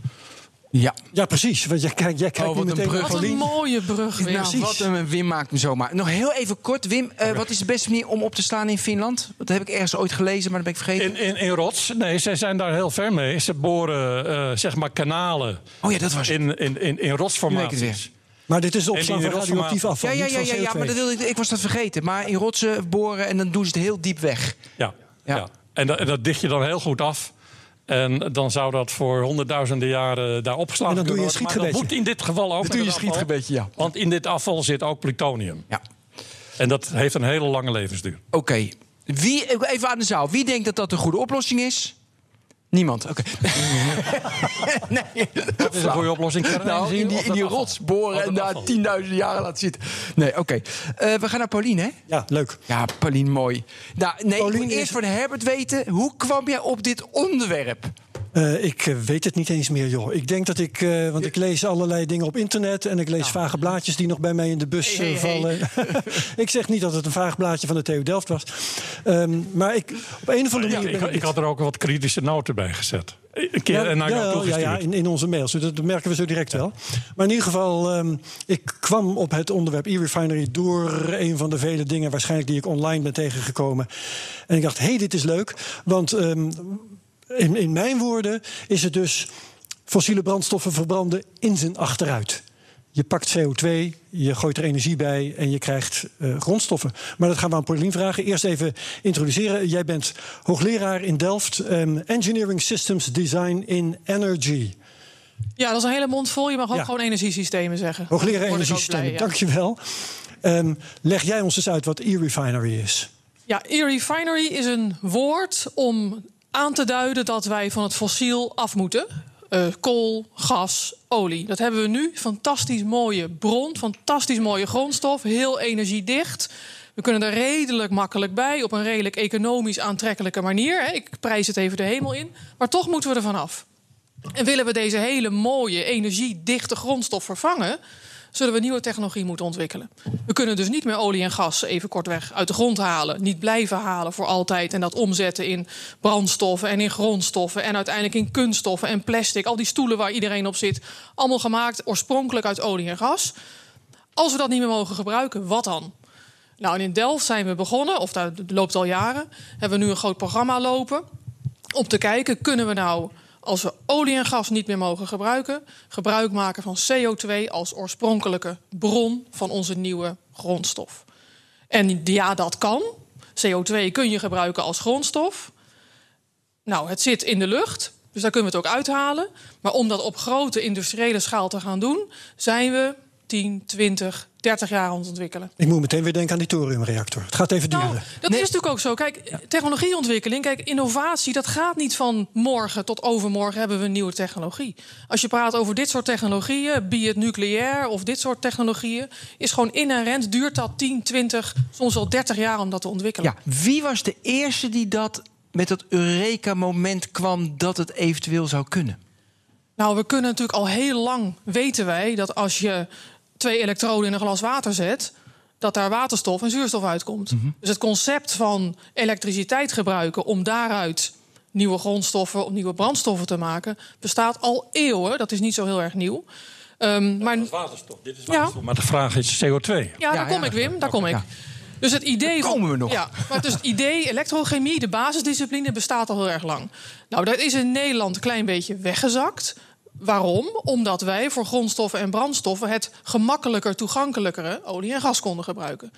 Dus we hebben nog niet nodig gehad om die elektrochemie, die, die, dat principe, te gebruiken om CO2 te gaan omzetten met elektriciteit in grondstoffen en brandstoffen. Ja. Nu dat wel noodzakelijk is, zie je dus dat hele vakgebied terug opkomen. En mensen die zeggen, nou, we hoeven niet alleen maar water in zo'n electrolyzer te doen en dat onder stroom te zetten. Maar we kunnen er ook CO2 bij stoppen. En als we dat doen, wat zien we dan? Dan gaat zo'n electrolyzer niet alleen maar waterstof maken, maar hij gaat ook methanol maken of ethyleen, maar net wat voor katalysator je erin stopt. Ik herinner me, uh, niet dat ik er zelf bij was, maar uh, dat in de Tweede Wereldoorlog de Duitsers hebben geprobeerd om op kunstmatige wijze, en jij zult er ongetwijfeld meer van weten dan ik, uh, aardolie, want ze hadden geen olie. Hè, ze probeerden in de Caucasus probeerden ze oliebronnen te veroveren. Toen kwamen ze Stalingrad tegen en het ging moeilijk. Um, maar uh, dat, de Duitsers hebben dat geprobeerd in Zuid-Afrika. Het apartheidsregime heeft het geprobeerd. Klopt. Die hadden ook geen olie. Waren dat processen die zij hebben onderzocht... die verwant zijn aan wat jij nu probeert? Ja, het proces dat jij beschrijft is, heet Fischer-Tropsch. En daaruit maak je uit waterstof. Hoe je dat ook produceert, laat ik even in het midden nu. Maar waterstof gebruik je en CO, koolstofmonoxide... Voeg je samen en daaruit kun je dus brandstoffen maken. En dat deed Duitsland, Nazi-Duitsland, dat deed ook Zuid-Afrika in de tijd dat zij zelf geen toegang hadden tot brandstoffen, tot olie. Dus zij waren als het ware noodgedwongen om dit proces te volgen. Nu is dat Fischer-Tropsch-proces, CO en waterstof omzetten in brandstoffen, nu ook wel weer, nou ja, zeg maar grootschalig aanwezig in de wereld. Bijvoorbeeld in Qatar staat een gigantisch grote Shell-plant, uh, Pearl heet dat. Daar maken ze op basis van het Fischer-Tropsch-proces waterstof en CO in een zeg maar ouderwetse thermochemische reactor, hoge drukken, temperaturen, katalysatoren erin, maken ze brandstoffen. Maar dat gaat dus vanuit waterstof en dan indirect als het ware. Ja, ja. De tweede route die nu onderzocht wordt en die nog priller is qua technologie, is om niet via waterstof en dan weer zo'n ouderwetse reactor in te gaan, maar direct in de electrolyzer die koolwaterstoffen te produceren. Dus het is lagere, lagere temperaturen, lagere drukken, directere reactie. Ja, en het begint, het hele proces, als ik jou goed begrijp, bij het uh, afvangen van CO2, bijvoorbeeld in een uh, elektriciteitscentrale of iets dergelijks. Of aan de uh, uitlaatpijp van een auto, voor mijn part. Nou, de grondstof die wij nodig hebben is CO2. Um, ja. CO2, waar, je, waar ga je dat vandaan halen? Uiteindelijk uit de lucht. Mm -hmm. Over 20, 30, 40 jaar, als we zover zijn, direct air capture heet dat, DAC. Ja. moet je de CO2 uit de lucht halen. Ja, dat is dat Vice-filmpje dat ik zag. Dat ja, is gewoon, en je hebt dus nu, we zie je al in de wereld staan, kleine uh, ja, equipment, kleine, groot, nou, eigenlijk grote ventilatoren die DAC, direct air capture, dus de CO2 uit de lucht halen. Ja, het waren en, gebouwtjes van 5 bij 3, denk ja. ik, en er is grote ventilatoren ja, erin. Dus en dat... dat werkt. Dat is een technologie die werkt. Maar u kunt zich voorstellen, of jullie denk ik ook, dat als je maar 400 ppm in de lucht hebt zitten, dat dat hele grote apparaten moeten zijn. En het laaghangende fruit is toch gewoon de schoorsteenpijp van een uh, kolencentrale? Ja, kijk, als jij op korte termijn um, wilt testen of je technologie werkt, ga je het toch niet uit de lucht zitten halen. Dat is veel te ingewikkeld. Als jij nieuwe brandstoffen wilt maken, is het een beetje raar om eerst in een kolencentrale CO2 af te vangen en dat in een brandstof om te zetten. Ik heb er net met Wim over gediscussieerd. Ik zie hem al grijnzen. Maar dat is natuurlijk onzin om ja, dat te doen. Ik ben daar tegenstander van. Ja. ja, nou dat zijn wij denk ik allemaal, want het is onzin Kijk, om we, het zo moeten, te doen. We moeten in 2050 een situatie hebben waarbij we geen fossiel CO2, dus CO2 wat uit de fossiele industrie komt, meer naar de lucht wordt uitgestoten, netto. Ja, ja dus als het goed is, hebben we die CO2 ook in 2050 niet meer. Ja. Dus waar haal je het dan wel vandaan? Uit de lucht. Ja. Via direct air capture of via biomassa. Dat wil ik zeggen. Maar de- Paulien be- ondervangt jouw bezwaar dus bij voorbaat door te zeggen: we gaan het gewoon uit de lucht halen. Ja, maar het moet dat is ook die uit de lucht. negatieve hè? lozing waar Nee. jij het eh, zel- zelf over had, Wim. Kijk, het moet ook uit de lucht. En als jij op voor een klimaatmitigatie, dus snel die, G, die greenhouse gases uit de lucht wil halen, moet je natuurlijk wel gaan capturen bij zo'n kolenplant. Moet je die CO2 daar opvangen en daar moet je wat mee doen. Je kunt het onder de grond stoppen. Dat zou nog wel eens de beste optie kunnen zijn. Ja. Je kunt er ook andere dingen mee doen. Je kunt ook zeggen, nou, ik ga het als grondstof gebruiken voor mijn nieuwe polyethyleenfabrieken. Maar ik Er wordt ook uit olie gemaakt nu. Want veel van het debat gaat vaak over de energietransitie. Wat moeten we doen om geen fossiele energie meer te gebruiken? Maar er is natuurlijk nog een andere kant van die medaille. We gebruiken olie en gas en kolen, maar vooral olie en gas, ook om grondstoffen te maken. Al de kunststof, ik noemde net ook al even, komt ook uit olie en Ja. gas. En als we dat ook niet meer mogen gebruiken, moeten we ook daarvoor CO2 gaan gebruiken. ja, maar mag ik even dat proces? Je haalt het dus uit de lucht of direct uit zo'n pijp. Maar straks is het niet meer uit een pijp, want dat doen we niet meer. Dus je haalt het uit de lucht. We hebben het niet meer, hè? We hebben het niet meer. Precies, ja. we hebben het niet meer in 2050. Dus uit de lucht en dan komt het, komt het in dat apparaat. Ja. Nog even, wat doet het apparaat en wat krijg ik uit? Want ik had een plaatje, had ik, eh, had ik zelfs gedownload van je site. Deze, elektrosynthese. ja, maar daar Oh, staan geen apparaten in. Nee, Dus ja, wel het- daarom. Maar wil je even dat proces uitleggen? Je hebt ehm, je CO2. en water stop je in een electrolyzer. Dat is een apparaat. Dat, dat zit in Ja. het gebouw. Ja, dat is in een gebouw. Dat is eh, nou ja, niet enorm groot. Maar dat zet je als het ware je mengsel onder stroom. Juist, Je ja. hebt een positieve en een negatieve elektrode. Dus Ja. er gaan elektronen stromen. Stroom komt van zonnecellen. en daar zit het dus het cruciale, het springende punt. Die stroom, die elektronen, zijn dus, moeten dus groen zijn. Groen wil zeggen niet fossiel. Anders zijn we natuurlijk helemaal dom bezig. Dan hebben we Wim Zitten ook we mee, een hoor. beetje fossiel met fossiel Dat eh, vindt te Wim mixen. goed. Ja. Dus geen fossiele elektronen. Kan wind, zon, nucleair, mijn part, maakt allemaal niet uit. Die elektronen die stop je in dat water-CO2-mengsel, simpel gezegd. Ja. Membraan ertussen. En aan de ene elektrode ga je dan hydrocarbons, koolwaterstoffen maken. Ja. Als je daar een goede katalysator op zet. En aan de andere kant van dat elektrochemische cel ga je zuurstof maken. Ja. Nou, die zuurstof kan je zeggen, interessant, leuk om te hebben, maar Ja, het gaat ons om die andere kant, hè, die koolwaterstoffen. En het, de, de grap is nu dat afhankelijk van die elektrode die je daar onder stroom zet, waar die is van gemaakt, hoe die is gestructureerd, wat je erop plakt aan nanomaterialen, hoe je dat helemaal vormgeeft. Afhankelijk daarvan ga je andere koolwaterstoffen Je kunt daarvan maken wat je wilt. Wat je wil. nou, wat je wilt is een groot woord. Maar wat we nu maken, als je zeg maar gewoon een of andere koperelektrode in dat water stopt, dan maak je een range aan koolwaterstoffen. C1, C2, een beetje C3, wat alcoholen. En de truc is nou juist om dat veel beter te kunnen tunen. Ja. Dus dat je niet een heel mengsel uit die elektrode, uit die elektrolyzer krijgt. Want daarachteraan kom je met dat mengsel aanzetten van ja, water en eigenlijk alleen gassen, etheen, ethylen, hele zooi, moet je scheiden. En die scheidingsstap kost energie. Dus alles wat je kunt voorkomen om extra scheidingsstappen te doen, Ja. moet je natuurlijk Je wilt een proces maken dat liefst één pure stof oplevert. Ik weet niet of dat kan, maar dat zou het ideaal zijn, eh, als ik jou goed begrijp. Dat zou het ideaal zijn, maar dat is nog wel ver weg. We kunnen het al redelijk gaan tunen op hele kleine schaal. In laboratoria kun je al redelijk precies naar ethyleen gaan. Dus kan je al je elektronen omzetten naar je ethyleen die je graag wil, als je dat graag wil hebben. Ja, Dat kan, maar dat kan nog lang niet op Maar hoe ver ben je nu? juist. Nou, wat wij nu kunnen, ehm, of wat men in de wereld kan, wij kunnen dat ook, is op laboratoriumschaal eh, kunnen wij dus ethyleen maken in een elektrochemische cel. Wat wij wereldwijd niet kunnen, is dat op industriële schaal doen. Om een voorbeeld te geven, als je naar een, zeg maar, een reguliere methanolfabriek kijkt in de wereld. Nou, 10.000 ton per jaar of zo wordt daar gemaakt, weet ik wat. Als je zo'n fabriek op de manier wilt bouwen zoals ik net schetste, met een electrolyzer, groene stroom erin, scheiding, direct air capture, zit je aan omvangen van apparaten te kijken, zit je naar te kijken. Dat is onvoorstelbaar groot. We zitten echt orders of magnitude.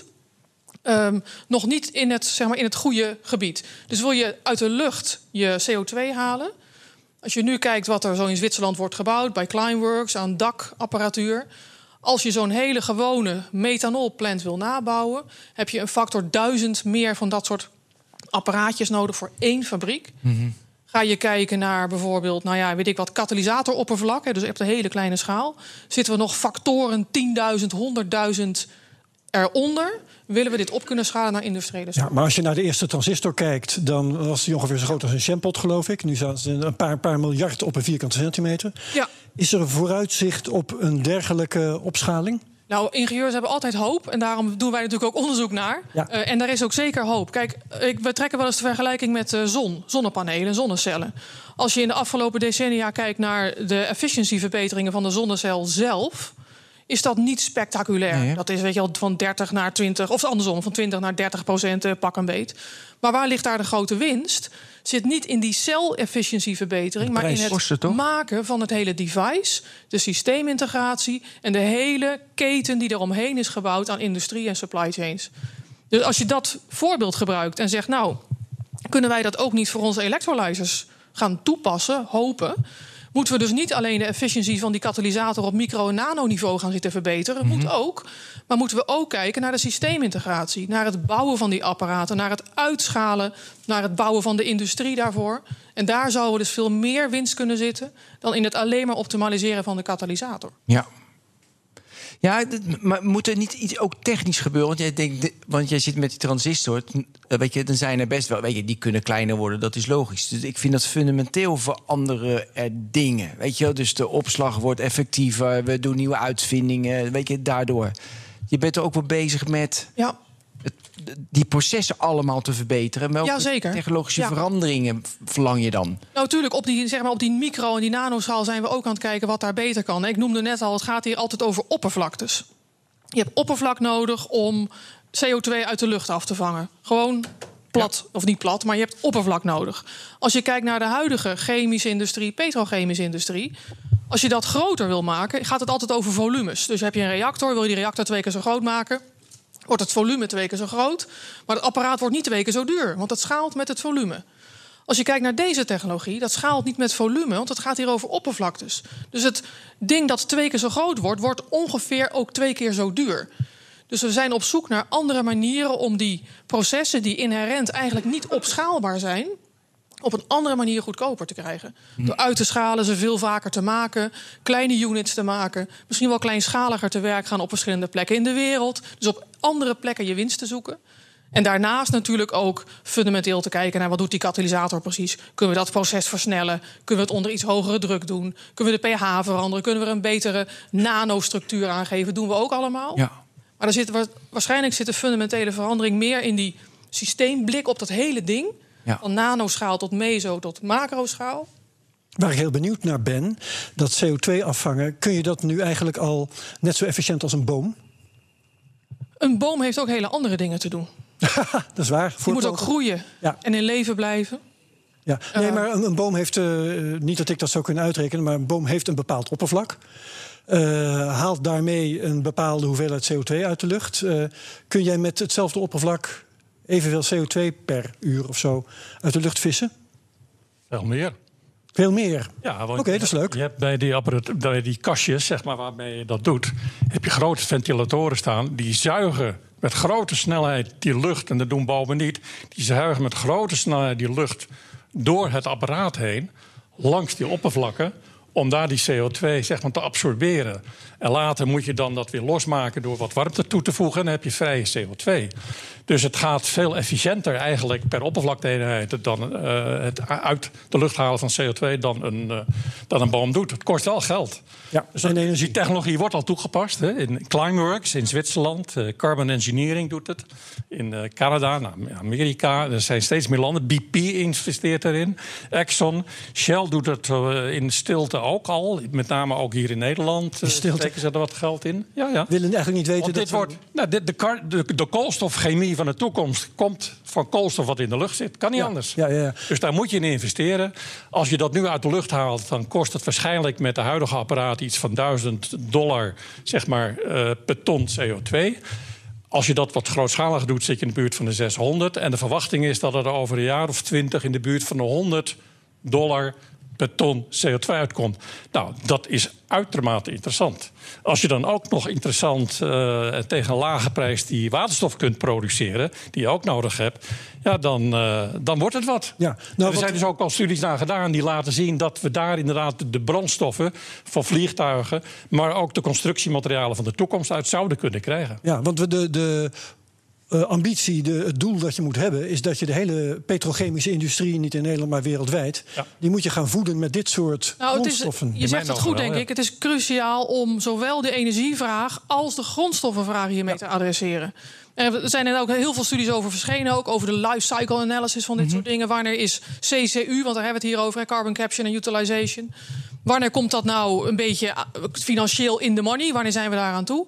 Nou, uit die studies er heel recent weer blijkt, als we duurzame energie gaan uitrollen, dat gaan we doen, duurt lang. We hebben ongelooflijk veel nodig, sowieso al, om onze huidige energievoorziening te verduurzamen, CO2-vrij te maken. Ja. Als daar achteraan ook nog onze hele grondstoffenindustrie op fossielvrije energie moet gaan draaien, dat is nog een hele tweede grote stap. De beste, als je alleen kijkt naar greenhouse gas, of uit de lucht halen van hè, het, ehm, eh, het, het, het CO2, dan zou je als je verstandig bent, eerst moeten investeren in je groene elektriciteit gebruiken voor e-mobility. Voor het ombouwen van je, misschien je, gasverbruik in de gebouwde omgeving. Dus het is niet zo dat we moeten zeggen morgen allemaal aan de CCU, want dat is hartstikke goed. Dat is niet goed als je op korte termijn je greenhouse gases omlaag wil krijgen. Ja. Dan moeten we andere dingen doen met mag, onze mag ik groene nog, nog een iets andere technologie eraan toevoegen? Die in mijn ogen nog prematuur is wellicht, maar nog interessanter. En dat is dat je die CO2 uit de lucht haalt, maar dan niet als CO2 gebruikt, maar als koolstof. Er is een ontwikkeling gaande bij onder andere Washington eh, University, waarbij ze uit die CO2 uit de lucht bij het, in, bij het afvangen fibers maken, koolstoffibers. En die fibers kun je gebruiken bijvoorbeeld om windturbinebladen te maken. Mhm. Althans, dat is het idee. Ja. Je kunt dat gebruiken om auto's te fabriceren, koolstof. Je kunt dat gebruiken om huizen te produceren. Dus je zou dat als constructiemateriaal kunnen gaan gebruiken. Dus we zouden met die CO2 eh, in de lucht direct koolstof kunnen maken, maar ook CO2 om er brandstoffen mee te produceren. Uh, ik zit ergens mee. Vertel. Het volgende. Kijk, toen wij staal gingen maken, mooi. Nee, dit is geen goed voorbeeld. Ja, staal, of, of, of daar kan ik ineens een auto maken. Mooi. En ik, weet je, ik had een transistor, daar kan, wow, kan ik een telefoon, wat gaaf. Dus alles wat wij in technologie maakten, wow, de, de, wereld wordt verrijkt. We hebben extra dingen. Weet je wel, leuk, weet je, frictieloos. Hebben we vaak in de technologie over gehad. Wat fijn. Waar we nu over praten is eigenlijk van... ja, deze technologie moeten we ontwikkelen, want anders gaat het fout. Ja, als je het zo eh, zegt, is het heel erg, ja. Nee, maar, nou, dus het is niet van een in, van hey, mogelijkheden. Het is nee, we moeten dit wel doen, want anders... Dat remt volgens mij verschrikkelijk. Juist niet. Oh. Als wij dit niet doen, dan gaan wij aan klimaatrampen. Nee, nou ja, bedoel ik. niet een om een rampscenario nee, maar dat bedoel ik. Dus het is niet een natuurlijke... Maar het enorme drijf om het juist wel te doen omdat die urgentie zo hoog urgentie is. is enorm. En, in, innovatie. En als inherent ontwikkeltijd 10, 20, 30 jaar is. Dan zou ik zeggen, man, schiet op met z'n duizenden aan dit onderzoek. Gaat hierdoor juist in mijn ogen sneller. Want je omdat hebt urgentie ja. is. als pool. Daar wordt ze wel aan getrokken, omdat het moet. Maar ook gedrukt, omdat die technologische mogelijkheden zich gaan aanbieden... en grote kansen bieden. En Paulien. Ja, het was een gedachte die in mij oppopte. Maar nu ben je weer blij? Ja, ben blij. Ja. Nee, want urgentie veroorzaakt altijd verandering. Dus ik, ik Maar, en dat is natuurlijk het probleem met het, met het klimaat. Weet je, we voelen die urgentie te weinig. Nou, dat wou ik net vragen. De, de geldschieters. Uh, hebben die die urgentie ook? Is er bij jou een niet te stoppen vloed van geld aanwezig? Nou, ik mopperde net natuurlijk een beetje over een gebrek aan funding. Doen wetenschappers altijd. Maar ik vind wel wat je nu ziet in. Nou, ik zei het, het elektrochemische veld was een beetje weggezakt in Nederland. In Duitsland hebben ze dat wel prima omhoog gehouden. Maar je ziet nu wel dat in het Nederlandse veld ook daar nu weer meer fondsen naartoe gaan. Het is niet zo dat het geld tegen de wanden klotst hoor, op de universiteit in Nederland. Helemaal niet. Maar het is wel zo dat je kijkt naar waar gaat nou de aandacht naartoe. In dit soort onderzoek mhm. is het wel naar dit soort elektrochemische conversie- en materialenonderzoek. En is de petrochemische industrie zelf hiermee bezig? Of ja, zeker. Ja, die zijn er ook mee bezig. Ja, ja. ja maar ik vind wel op een, op een te laag pitje. Op een te laag pitje. te laag en te laag misschien. Te laat pitje. Te laag en te laag. Nou, het verbaast mij. Ik, ik, ik, Van wat wij ervan zien, hè Wim? Nou, er zijn mensen van Shell aanwezig. Ben die, die gaan straks met Shell, stellen, met, met ja, oh, ja. de directie ook van Shell. Die directie zit hier niet, dus dat is... Dat klopt. ja.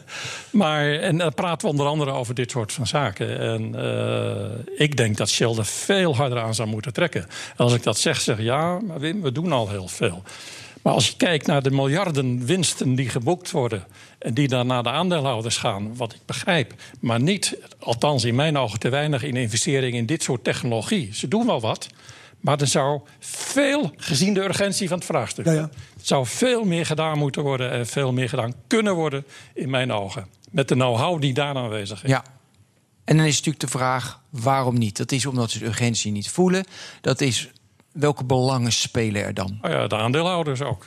De winsten die geboekt moeten worden en, en, uitbetaald moeten worden. Dus waarom zou je investeren in nieuwe technologie? Het gaat ook wel om technologie die zich misschien pas over twintig jaar terugverdient. Hè? Dus wat mag je nou eisen van een bedrijf wat betreft, het doen van investeringen in research en development? Als de uitbetaling daarvan over twintig jaar gaat plaatsvinden. Dat zijn. Uh, moeilijke keuzes. Pauline, het, het e-refinery-project heeft 5 eh, miljoen gekregen um, een paar jaar geleden. Hè? Wanneer was het ook weer precies? Ja, een jaar of twee geleden, denk ik. Jaar of twee geleden. Is het al op? uh, ja, we hebben brood nodig, nieuw geld nodig. Nee, dat wordt natuurlijk uitgezet over een periode van vier, vijf jaar. 40 man, merk je?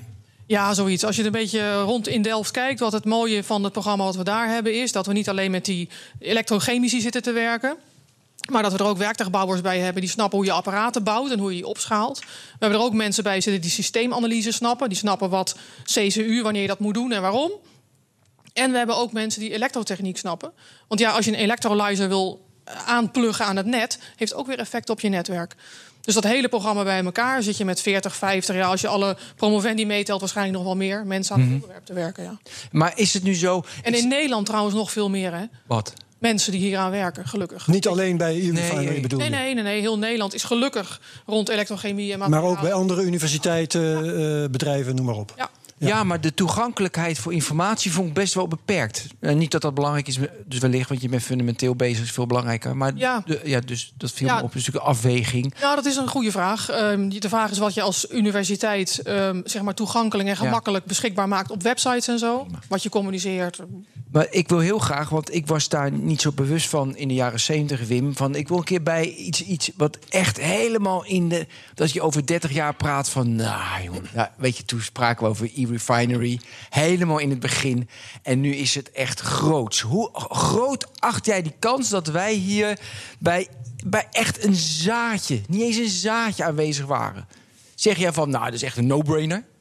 Zoals toen ik met mobiel internet kwam in, in 2000 had ik voor het eerst met wappen dacht ik nou no-brainer dat het groot wordt. Logisch dat iedereen zijn nieuws de hele dag wil checken. Vond ik echt een no-brainer. Ja. Nu vind ik dat best wel moeilijk op die telefoon. Dus hoe is het voor jou echt een no-brainer dat dit doorgaat? Of je ziet te veel Nee, kantjes? past een beetje bij jouw eerdere vraag en mijn oproep van... joh, dat is toch zo urgent, hoe kan je hier zorgen over maken? Dit is een no-brainer dat hier ontwikkelingen gaan plaatsvinden. Wat we in Delft doen is ook niet wedden op één paard. Dus we zeggen we gaan dat, dat direct elektrochemische paadje Ja. bewandelen. Maar we kijken ook naar die ouderwetse Fischer-Tropsch-route. Waterstof maken met CO en dat in een ouderwetse reactor gooien. We kijken ook naar een biologische of een biochemische route. Dus niet op alle, niet alle eieren in één mandje mikken. Ja. En ik ben ervan overtuigd dat dit moet. Dus als jij over 30 jaar mij weer vraagt... en dan zeg ik, oh, ik stond hier in 2019... We hebben nog met Paulien Herder gepraat. toen Ja, aan precies, dat zou Ja. Niet, niet, alleen moet, maar in mijn ogen gaat gebeuren. Ja. Ja. Ik, Ik heb denk een dat dit een gigantische no-brainer, Ben. kans is. Ja. Ja. Ik heb een detailvraag Ja, hierover. maar ook, mag even nog één Ja, aanvullen. tuurlijk, Het is een grote kans, maar ook voor Nederland... onze positionering in de wereld. Wij als Energy Gateway van Europa... het hele complex wat we hebben staan in Rotterdam-Rijnmond... de kennisbasis die we hebben. Het is echt een Ja. no-brainer, Ben. Het is misschien niet zo sexy als een telefoon... maar dit moet en dit kan en dit Nee, maar kijk, dit is de fundament, vind ik. Ja. Om wat jij zegt, ook dit moeten we maken op een gegeven moment op een andere manier. Dus Ook jouw wel telefoon moeten we Daarom. maken. Ja. Dus we moeten met telefoon Zoals. Ad Lagendijk ooit zei, laten we nou eens een keertje een voorsprong nemen... in plaats van een achterstand oplopen en die dan gaan inhalen. Vond ik, ook- vond ik ook wel Ja, leuk. dat is optimistisch genoemd, denk ik nu. Ja, oké. Maar Maar ik, had, ik heb dus een detailvraag. Want Ben zegt, wordt dit heel groot? Ja, je zegt, het wordt heel groot. Ehm, ehm, ik heb de vergelijking al gemaakt met die transistor... Hè, die al vrij snel geld begon op te leveren. Ik denk ook aan de ruimtevaart, die heel lang geld heeft gevreten... maar nu geld begint op te leveren. Eh, wanneer komt er uit jouw e-refinery voor het eerst een product dat geld oplevert? Nou, dat kan heel snel. Ik ga een beetje een slecht antwoord geven. Maar het hangt heel erg sterk af welke toepassing je waar gaat doen. Ik zei net, die hele sexy CCU-dingen, ethyleen maken, direct elektrochemisch... gaan we de komende vijf jaar echt niet rendabel krijgen. Niet op grote schaal althans. Maar kleine, kijk, Fischer-Tropsch draait al winstmakend. Er wordt al synthetische diesel gemaakt. Dus die processen lopen al, die zijn al rendabel te Ja, maar maken. veel te duur. Veel te duur. Ja, wel dus je moet duur, maar inderdaad wel aan- rendabel. Nee, nee, ten opzichte van de conventionele. Ja, wie weet het hier nou beter? Zit Dat is een debat, hè? In ieder geval wordt Laat het snel goedkoper. Dat, verdiepen. eh, ja, Oké. Oké. Ja. Maar ik denk vanaf 2040 dat het inderdaad eh, grote ogen gaat gooien. Dat het economisch uit zou kunnen gaan komen. Ja. Ik voorspel vanaf 2040 dat die technieken met CO2 uit de lucht... en dan met, met schoon waterstof, dat het, dat Ja. dat, zeg maar een vlucht begint te nemen. Ja. Dat is Ja, het je moet zo. ook niet vergeten, het gaat over 25 ombouwen van een petrochemische industrie die daar staat. En 84. die je ook niet bij de beentjes afzaagt en overnieuw opbouwt. Dus als je daar die hele petrochemische clusters moet ombouwen, dat duurt jaren en jaren. En 2040, ja, Even over, eh, ik heb wel het, het vooroordeel over de petrochemische industrie. Dan denk ik van, het is niet eh, een start-up mentaliteit met eh, agility en hoe noem al die hippe nee, termen, nog maar- nee. En weet je hoe dat komt? Nou, ook onder andere omdat die plants maar groter, groter en groter zijn geworden. We hebben het over megaplants. Want hoe groter je zo'n plant, zo'n fabriek maakt, hoe goedkoper die relatief wordt. Nou heb je met deze nieuwe technologie daar minder last van in die zin. Want groter maken betekent, daar worden ze niet goedkoper van. Ja. Dus je kunt ook heel veel kleintjes bouwen, ongeveer even duur. En je kunt dus ook kleintjes bouwen op plekken waar dat rendabeler zou kunnen zijn. Waar bijvoorbeeld de, elektrische, uh, de kosten van stroom heel erg laag zijn. Of waar je heel veel zon of wind en overschot hebt. Maak je er ter plekke een mooi brandstofje van of een mooi vloerbaar ding wat je makkelijk kunt vervoeren. Dus je kunt het op veel meer verschillende plekken uitrollen. En dat maakt het ook wat meer misschien agile en dynamisch. Nou ja, maar merk je dat ze daarin meegaan? Of merk je van veel pushback omdat ze moeten? Dus hoe, hoe, en met ze bedoel je de grote industrie? Ja. Nee, dat is natuurlijk ook dat wat zij zien. Ik bedoel, zij zijn natuurlijk ook niet gek. Okay. Zij gaan niet iets opschalen en groter maken als dat duurder is. Mm -hmm. Ja, ja waarom zouden ze dat doen? Ja. Zullen wij eens kijken of we vragen leveren bij het publiek? Wie heeft er een vraag? Wie heeft er twee vragen? Of jullie voor een CO2-tax zijn, Wim en Paulien? Ja, je zou kunnen zeggen, hij is er al.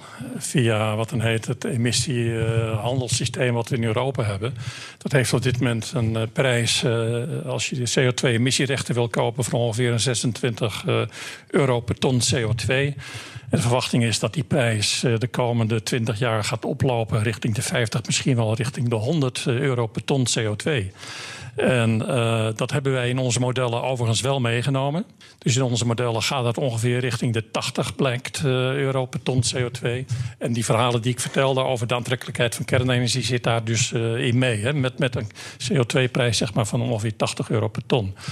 Voor technieken zoals het uit de lucht halen van CO2 is dat natuurlijk ook zeer aantrekkelijk uh, wanneer dit heel duur begint te worden. Dat is weer een extra drive voor de chemische industrie om die CO2 uit andere bronnen te halen. En als je dat kunt doen voor misschien 100 euro per ton. Sommigen zeggen het gaat misschien zelfs naar de 50 in 2050. Ja, dan ben je dus nog goedkoper bezig wanneer je het uit de lucht haalt dan wanneer je het straks nog uit olie of uit, uh, met, met, gas aan, aan de slag Wim, zou, zou onder de huidige uh, regelgeving uh, iemand die CO2 uit de lucht weet te halen, daar geld voor kunnen krijgen van de overheid als een soort vergoeding voor uh, een soort uh, CO2-tax met een minteken? Voor negatieve emissie moet dat nog goed geregeld worden. Maar ik denk dat je daar inderdaad geld voor gaat krijgen als je het uit de lucht haalt. Maar voor jou. je gaat het hier wel hergebruiken. Hè? En dan ga je het ook weer uitstoten. Als je er geen bakstenen van maakt of ja, andere stoffen die zeg maar 100 jaar blijven liggen. Ga je het gebruiken voor het maken van brandstoffen, bijvoorbeeld voor vliegtuigen, wat onder andere een idee is, ja, dan stoot je het ook weer uit. Dus dan gaat de Europese Commissie daar niks voor, voor, voor betalen. Nee, dat is helder. Paulien, ben jij voorstander? Want dat is de vraag voor een ja, CO2-tax. Ik, ben, um, ik denk, jij geeft heel, Wim geeft aan, hè, de CO2-prijs is een van de belangrijke parameters eigenlijk waarop dit soort dingen wel of niet rendabel worden, wanneer en hoe snel.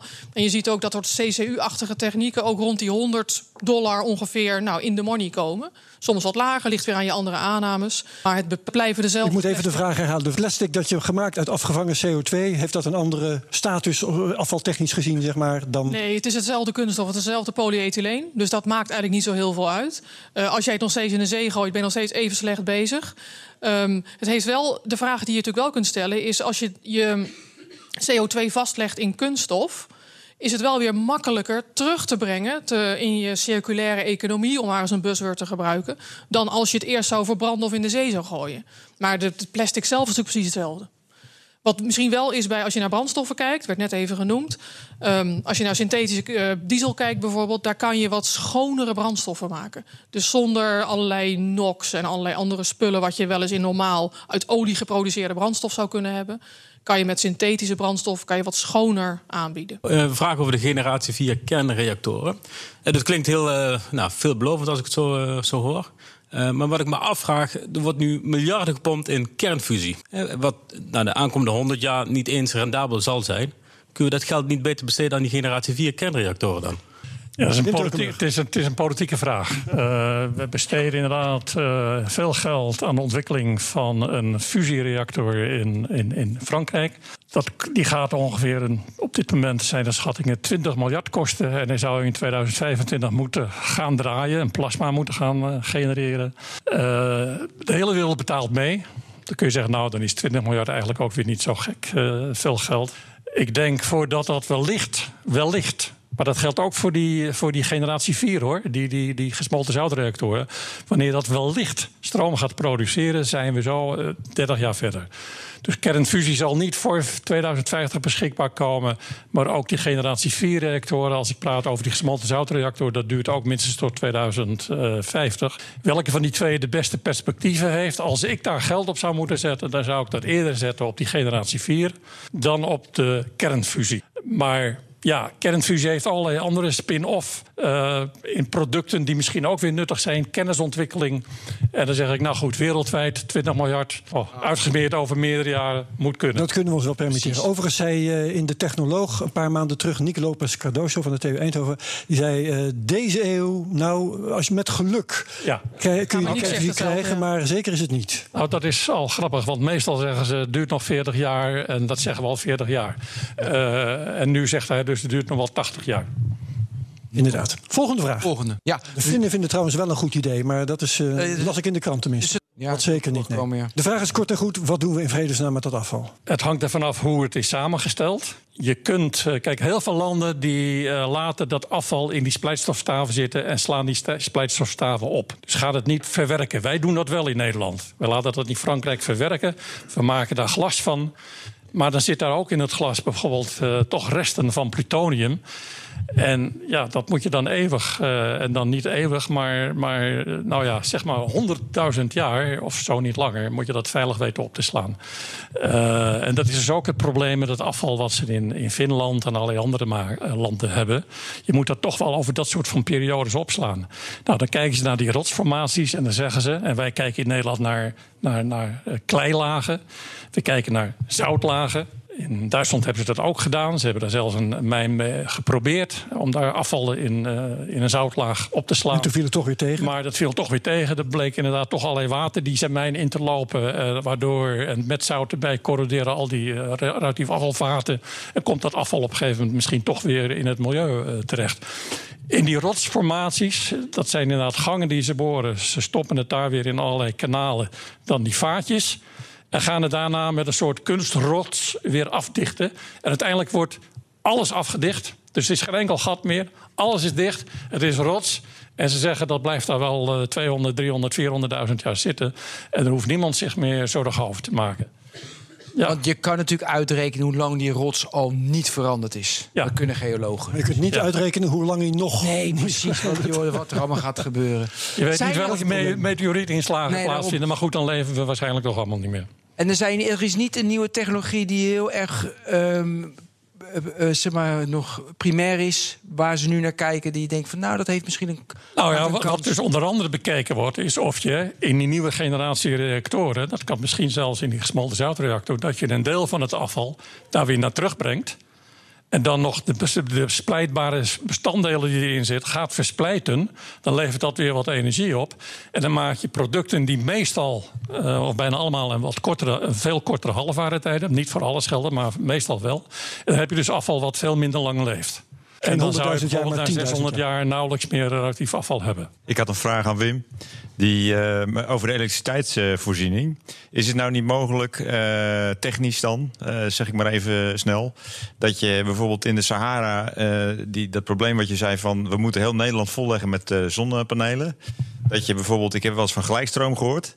We leggen kabels naar Amerika en door de oceanen heen met allerlei communicatiemiddelen. Daar gaan dus kennelijk uh, allerlei elektronen heen en weer. Fotonen Waarom kan dat niet uh, met transport van elektrische energie, zodat je dat saldeert over de wereld? En dat ja. je dus waar de zon is, daar is voldoende energie. Zet je om in uh, elektriciteit.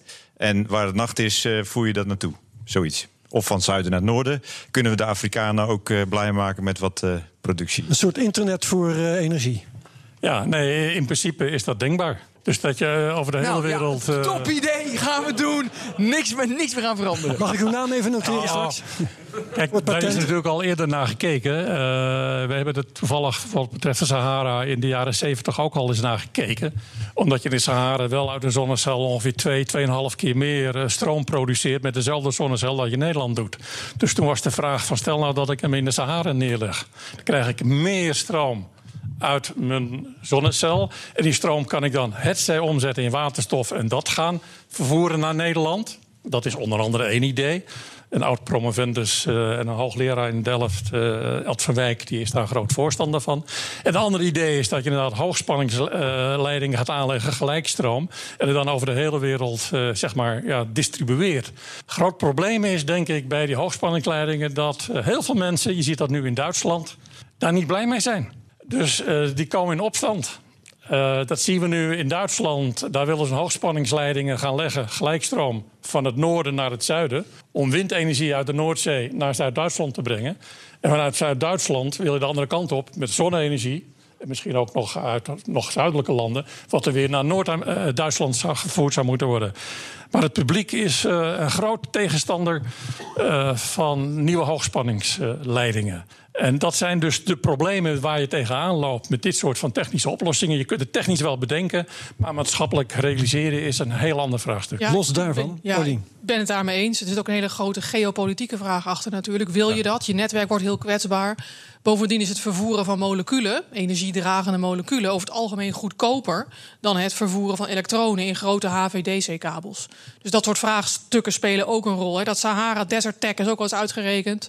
En je moet je ook afvragen: willen wij als een halve koloniaal de Sahara vol gaan leggen voor onze energievoorziening? Dus al dit soort geopolitieke, ethische vraagstukken die spelen hier ook een rol. Of omgekeerd trouwens, afhankelijk zijn van Sahara-landen voor onze elektrische energie. Ja, precies. Dus een heel ethische vraag: moeten we dat eigenlijk wel willen? Ja. En uh, nog, nog daar laten de verliezen die je onderweg hebt. Hè? Want die 2,5 keer die heb je niet over als, je, als die uh, een stopcontact hier... Maar die verliezen die zijn, die zijn er, maar die zijn relatief beperkt als je over gelijkstroom uh, praat. Maar het is een mijnenveld. Uh, blijkbaar. Letterlijk, hè? Als antwoord op de. Ja, ja. Letterlijk ja, als je nu naar het Midden-Oosten kijkt. Het is een mijnenveld en daar maak je je afhankelijk van. Wie hoort? Ja, eigenlijk een hele simpele vraag. Ik denk dat we sinds de industriële revolutie te veel CO2 in de lucht hebben gestopt. Als we over 100 jaar nou er heel veel uithalen, krijgen we dan niet een andere balans? Je mikkent op er te veel uithalen? Dat we zakken onder het minimum. Nieuwe ijstijd. Nou, ik mag hopen dat ik het ooit meemaak, maar dat gaat niet. Uh, nee, ik zie dat dit wordt niet gezien als een realistisch scenario dat we zouden moeten gaan bestuderen met z'n allen. Als dat gebeurt, dan heropenen we de kolenmijnen wel. Het is makkelijker te remediëren. Het, het, eerste probleem is hoe komen we op die anderhalve graad? We gaan daar, we gaan daar met het huidige beleid uh, factor 2 overheen. Dus de temperatuurstijging op aarde gaat met wat we nu wereldwijd aan het doen zijn richting de 3, 3,5 graad. En we hebben afgesproken, we moeten naar anderhalve graad. En, en, en we kunnen nog wel wat uitstoten naar de atmosfeer. Maar over 5 à 10 jaar zit er dan eigenlijk al te veel in. En vanaf dat moment mogen we niks meer toevoegen. Nou, dat doen we niet, we gaan door. Onder andere ook in ontwikkelingslanden. Dus we moeten op grote schaal die CO2 uit de lucht gaan halen. En dan praat je daar waarschijnlijk tenminste over iets van 1000 gigaton CO2. Jaarlijks stoten we wereldwijd ongeveer 40 gigaton uit. Dus je moet als het ware 25 jaar lang alles wat wij nu uitstoten per jaar, moeten we weer terughalen uit de atmosfeer. En dan kom je in de buurt van die anderhalve graad. Dus we hebben heel veel technologie nodig voor negatieve emissie. En dan is het maken van brandstoffen een route, maar uiteindelijk niet negatief. Dus wat we uit de lucht halen, moeten we eigenlijk vastleggen hier op aarde. Door meer bomen te planten en te laten groeien, door ondergronds op te slaan, door uh, rotsen, hè, denk olivijn, te laten reageren met CO2, zodat het een gesteente wordt. Dat is ook een technologie waar je aan kunt denken. Uh, dus er zijn een aantal routes die je wellicht kunt benutten. Algen kweken in, in de zee. Die algen die dan bijvoorbeeld uh, afzinken uh, naar de bodem en daar opgeslagen worden. Zo is het historisch altijd al gegaan. Dus ook dat zijn routes waar je aan zou kunnen denken. Uh, ja, we moeten al dat soort nieuwe technieken mee gaan ontwikkelen om aan die negatieve emissie te komen. Maar Wim, te ver zakken zie jij ook niet gebeuren. Want dat is eigenlijk wat hij vraagt. Te ver zakken nee. zie ik helemaal niet zitten. Nee, nee, nee, nee. nee, nee. En het is ook makkelijk te remediëren ook, hè? En, en, en de volgende ijstijd uh, is uitgerekend, dat duurt nog wel, ik geloof, 70.000 jaar. dus uh, dat is niet het probleem. Staan dus, we niet meer. Om uh, Paulien nog eventjes te, te, citeren wat ze net zei. We hopen dat we jouw probleem krijgen, maar... Ja. niet in my lifetime. Nee. Nog Volgende meer vragen. vragen. Daar, kom maar eventjes deze kant op. Is het ook een mogelijkheid om uh, planten uit het plantenrijk te gebruiken? Zoals uh, maiskolven in Zuid-Amerika. Die worden gebruikt als aardgas om auto's te voorzien. Is het ook mogelijkheid om dat te gebruiken in plaats van CO2 gemixt met waterstof? Aangezien je geen uh, groene stroom daarvoor nodig hebt, omdat het al in de plant zelf zit. Een soort biobrandstof in de vorm van mais. Dat is een route die natuurlijk nu ook bestaat en verkend wordt. En die moeten we ook niet uitsluiten. Als je kijkt naar de toekomstige energiemix, zal het een combinatie zijn van al deze dingen. Het mooie van planten is dat de moleculen die zij maken, met de CO2 die ze vangen op een rustiger tempo en het licht dat ze vangen, dat zij hele mooie complexe moleculen maken. Dus het eerste wat je zou moeten willen doen met die moleculen is ook daar weer mooie dingen mee doen. En die dingen niet plat slaan en kapot maken tot brandstof. Dat is eigenlijk het laatste wat je zou moeten willen doen met bio. Maar het is zeker een onderdeel van onze toekomstige energievoorziening. Zijn er nog meer vragen? Daar moet even een trapje afgedaald worden. Dan krijgen we de eerste dame die een vraag stelt vandaag. Leuk. Ik vroeg me af, als we het uur-u is eigenlijk nu, hè, de CO2 is veel te hoog. Over 30, 40 jaar zijn er echt sustainable oplossingen. Kan er dan niet een combinatie gemaakt worden eigenlijk? Dus, hè, dus je wil eigenlijk die grote turbines voor het vangen van CO2. Maar we hebben nu inderdaad echte vervuilers in de wereld staan. Kan je dan niet daar dan inderdaad die kleinere turbines neerzetten... en nu al een, verschil kunnen maken? Als ik kijk naar het beleid wat we in Nederland voeren... en eigenlijk internationaal zouden moeten voeren... dan zit Nederland eigenlijk niet eens zo slecht. We hebben wel allerlei uh, protesten in de straat op dit moment. Maar dat gaat meer tegen het algemene klimaatvraagstuk, is mijn idee. Want de Nederlandse overheid heeft besloten na Parijs ongeveer 50, 49 procent in 2030 minder te gaan uitstoten aan CO2 en andere broeikasgassen dan in, dan in 1990 uh, deden. Als wij dat werkelijk gaan waarmaken, lopen we behoorlijk voorop wereldwijd uh, gezien. En dat past als ieder land dat zou doen in het beeld dat we uiteindelijk richting de anderhalf, in ieder geval beneden de twee graden uit zouden moeten komen. Dus Nederland heeft eigenlijk een beleid geformuleerd, als we dat ook werkelijk gaan waarmaken, wat past bij het streven om ruim beneden twee graden uh, te blijven. Dus ja, daar ben ik op zichzelf tevreden te, over. Maar we moeten het wel waarmaken.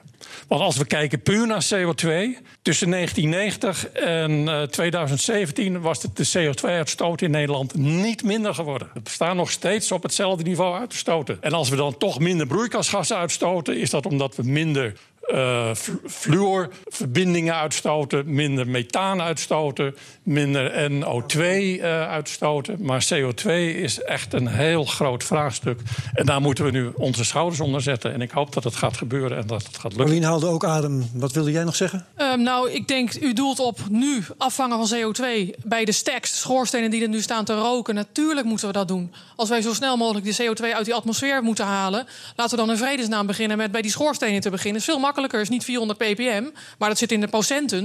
Vangt natuurlijk veel lekkerder af. De vraag is daarna, wat doe je daarmee met die CO2 die je dan afvangt? Ga je die weer in een brandstof stoppen en weer op die atmosfeer inschieten? Weet ja, Finland nog een plek? Beter vastleggen. In de manieren die Wim net schetste. Ja. Onder de grond, olifijn. Nou, je kunt de hele rimbim verzinnen.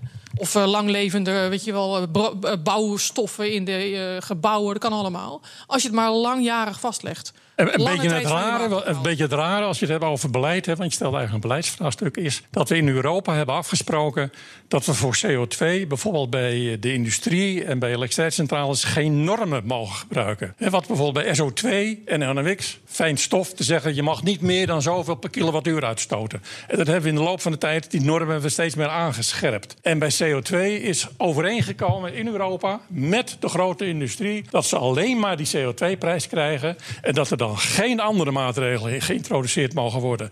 En wat zou er nou makkelijker zijn dan dat je zegt van een elektriciteitscentrale mag niet meer dan zoveel CO2 per kilowattuur uitstoten. In 2030, in 2040 en in 2050 moeten we dan op nul zitten. Dan weet iedereen waar hij aan toe is.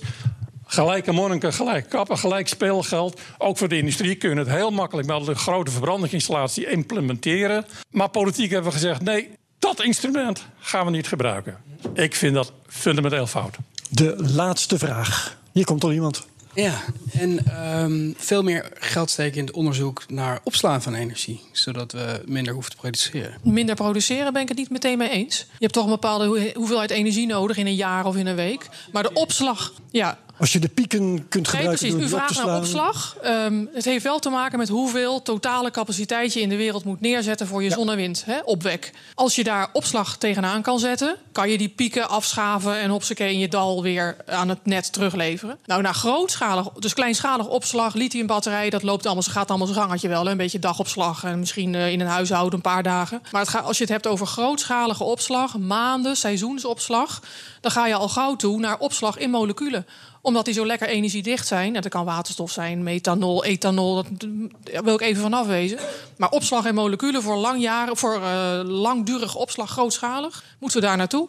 En daar past dus die elektrochemische route weer heel goed bij. Uh, daar moet ik toch dan kanttekening bij plaatsen dat uit die modelstudies die wij hebben gedaan voor het jaar 2050 zitten al die technieken.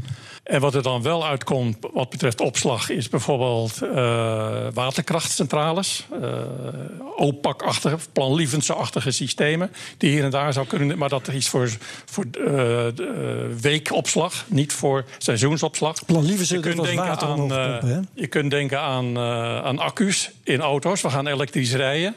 Hebben heel veel uh, opslagcapaciteiten in al die accu's, in al die auto's. En in onze modellen nemen we dan ook aan dat al die elektrische auto's voor 10% in de toekomst bijdragen aan het opslaan van elektrische energie als er overschotten zijn van zon en wind. Dus dat, is een, een, dat komt eruit als interessant.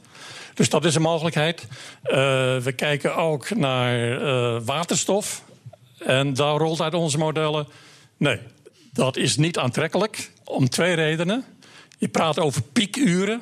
Nou, hoeveel piekuren heb je per jaar dat je die stroom niet kwijt kan? Voor mij zeg je dat het er duizend zijn. Maar in de praktijk waarschijnlijk een paar honderd, blijkt uit onze modelstudies. En in die paar honderd uur moet je dan een electrolyzer laten draaien. Die in de industrie normaal 8000 uur per jaar maakt. En opeens maakt hij 100 of 200, voor mij per 1000 uur. Dus die stroom, of de waterstof die je dan maakt, is heel erg duur. Ja? Op deze manier geproduceerd. Dat is een groot probleem. En vervolgens moet je dit inderdaad opslaan bij zonne-energie om, om, naar de winter te kunnen transporteren. In de zomer maak je het, in de winter gebruik je het. Nou, dan moet je zoutcavernes aanleggen. Grote holtes, daar ga je die waterstof in pompen. Dat kost natuurlijk ook energie. Er zijn bij alles ook verliezen. Als je dan, en later moet je weer die stroom, die waterstof gaan omzetten in stroom. Dan heb je ook weer verliezen. Dus wat blijkt? In die hele route alleen al energetisch ben je ongeveer 60% van alle opgewekte energie kwijt. Dus je moet 2,5 keer meer zonnecellen neerzetten als je er op deze manier waterstof van maakt en dat later weer in stroom wil terughalen. Ja, dat maakt het allemaal een niet aantrekkelijke optie. Dat rolt dus ook niet, dat rolt uit onze modellen, komt er niet in. Andere opties zijn dan toch aantrekkelijker om in te zetten om aan een betrouwbare elektriciteitsvoorziening eh, te komen. Het laatste woord aan Pauline Herder. Dit ligt ook aan de, dit ligt aan de assumpties in jouw model, Wim. Als je kijkt naar de recente literatuur over grootschalige, langdurige opslag, blijkt uit heel veel studies dat er op langjaar, langdurige opslag moleculen noodzakelijk zijn. En dat is niet op weekschaal. En ik denk dat je ook, um, nou, denkfout misschien een groot woord. Maar als je alleen maar een electrolyzer aan gaat zetten. als jij een piek wil shaven. dat is natuurlijk heel onverstandig. ben ik helemaal met je eens. Weinig draaiuren voor een electrolyzer, heel dom idee. Maar je kunt wel je electrolyzer inzetten. of brandstoffen voor maken. als je dat in het complete complex ziet. van opslag, brandstoffen. Jawel, ik denk dat, ja, maar ik denk toch dat we hier een klein verschil van mening hebben. Ja, dan, dan, aantrekkelijkheid. dat bewaren we voor een andere keer. Daar gaan we vandaag niet uitkomen. Ik wil jullie even goed heel hartelijk danken voor eh, de geweldige stortvoet aan informatie die jullie eh, over ons hebben uitgestort. Dat was geweldig. Mag ik een applaus, applaus. voor Wim Turkenburg en Paulien Herder? Ja. En uh, ze zullen hier nog lang door debatteren. En jullie mogen daaraan meedoen. Dan gaan ze direct deze zaal uit. Uh, ben, uh, de 150ste technoloog zit, zit erop. Ja, wat ik altijd zo mooi vind is... Weet je, dit is een onderwerp ook van nature ja, nieuw. Maar dat ik weer allemaal dingen hoor dat ik denk van... jee, wat is de wereld toch complex en veel... waar je helemaal niet in zit. En dankzij jullie ben ik daar weer ook weer op een ander spoor gekomen... waar ik normaal niet in kom. Dus bedankt. En wat kunnen we nog veel technologen maken? Niet normaal. Dankjewel allemaal. Mensen, tot de... Bedankt. Tot de volgende. Terwijl hier de bloemen worden rondgedeeld, zeg ik tegen jullie: uh, we zijn weer een keer um, live met publiek te bewonderen op de 200ste. Begin oktober 2020 in ieder geval. Dus tot dan. Bedankt. Tot dan. Dankjewel allemaal.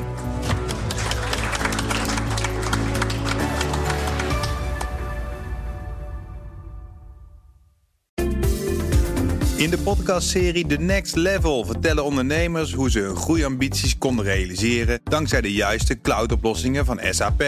Wat waren de uitdagingen, de oplossingen en hoe ging de uiteindelijke implementatie? Benieuwd naar hun verhalen en hoe zij met behulp van SAP ook hun toekomstige ambities kunnen behalen? Luister de podcast The Next Level via de BNR-app of je favoriete podcast-app.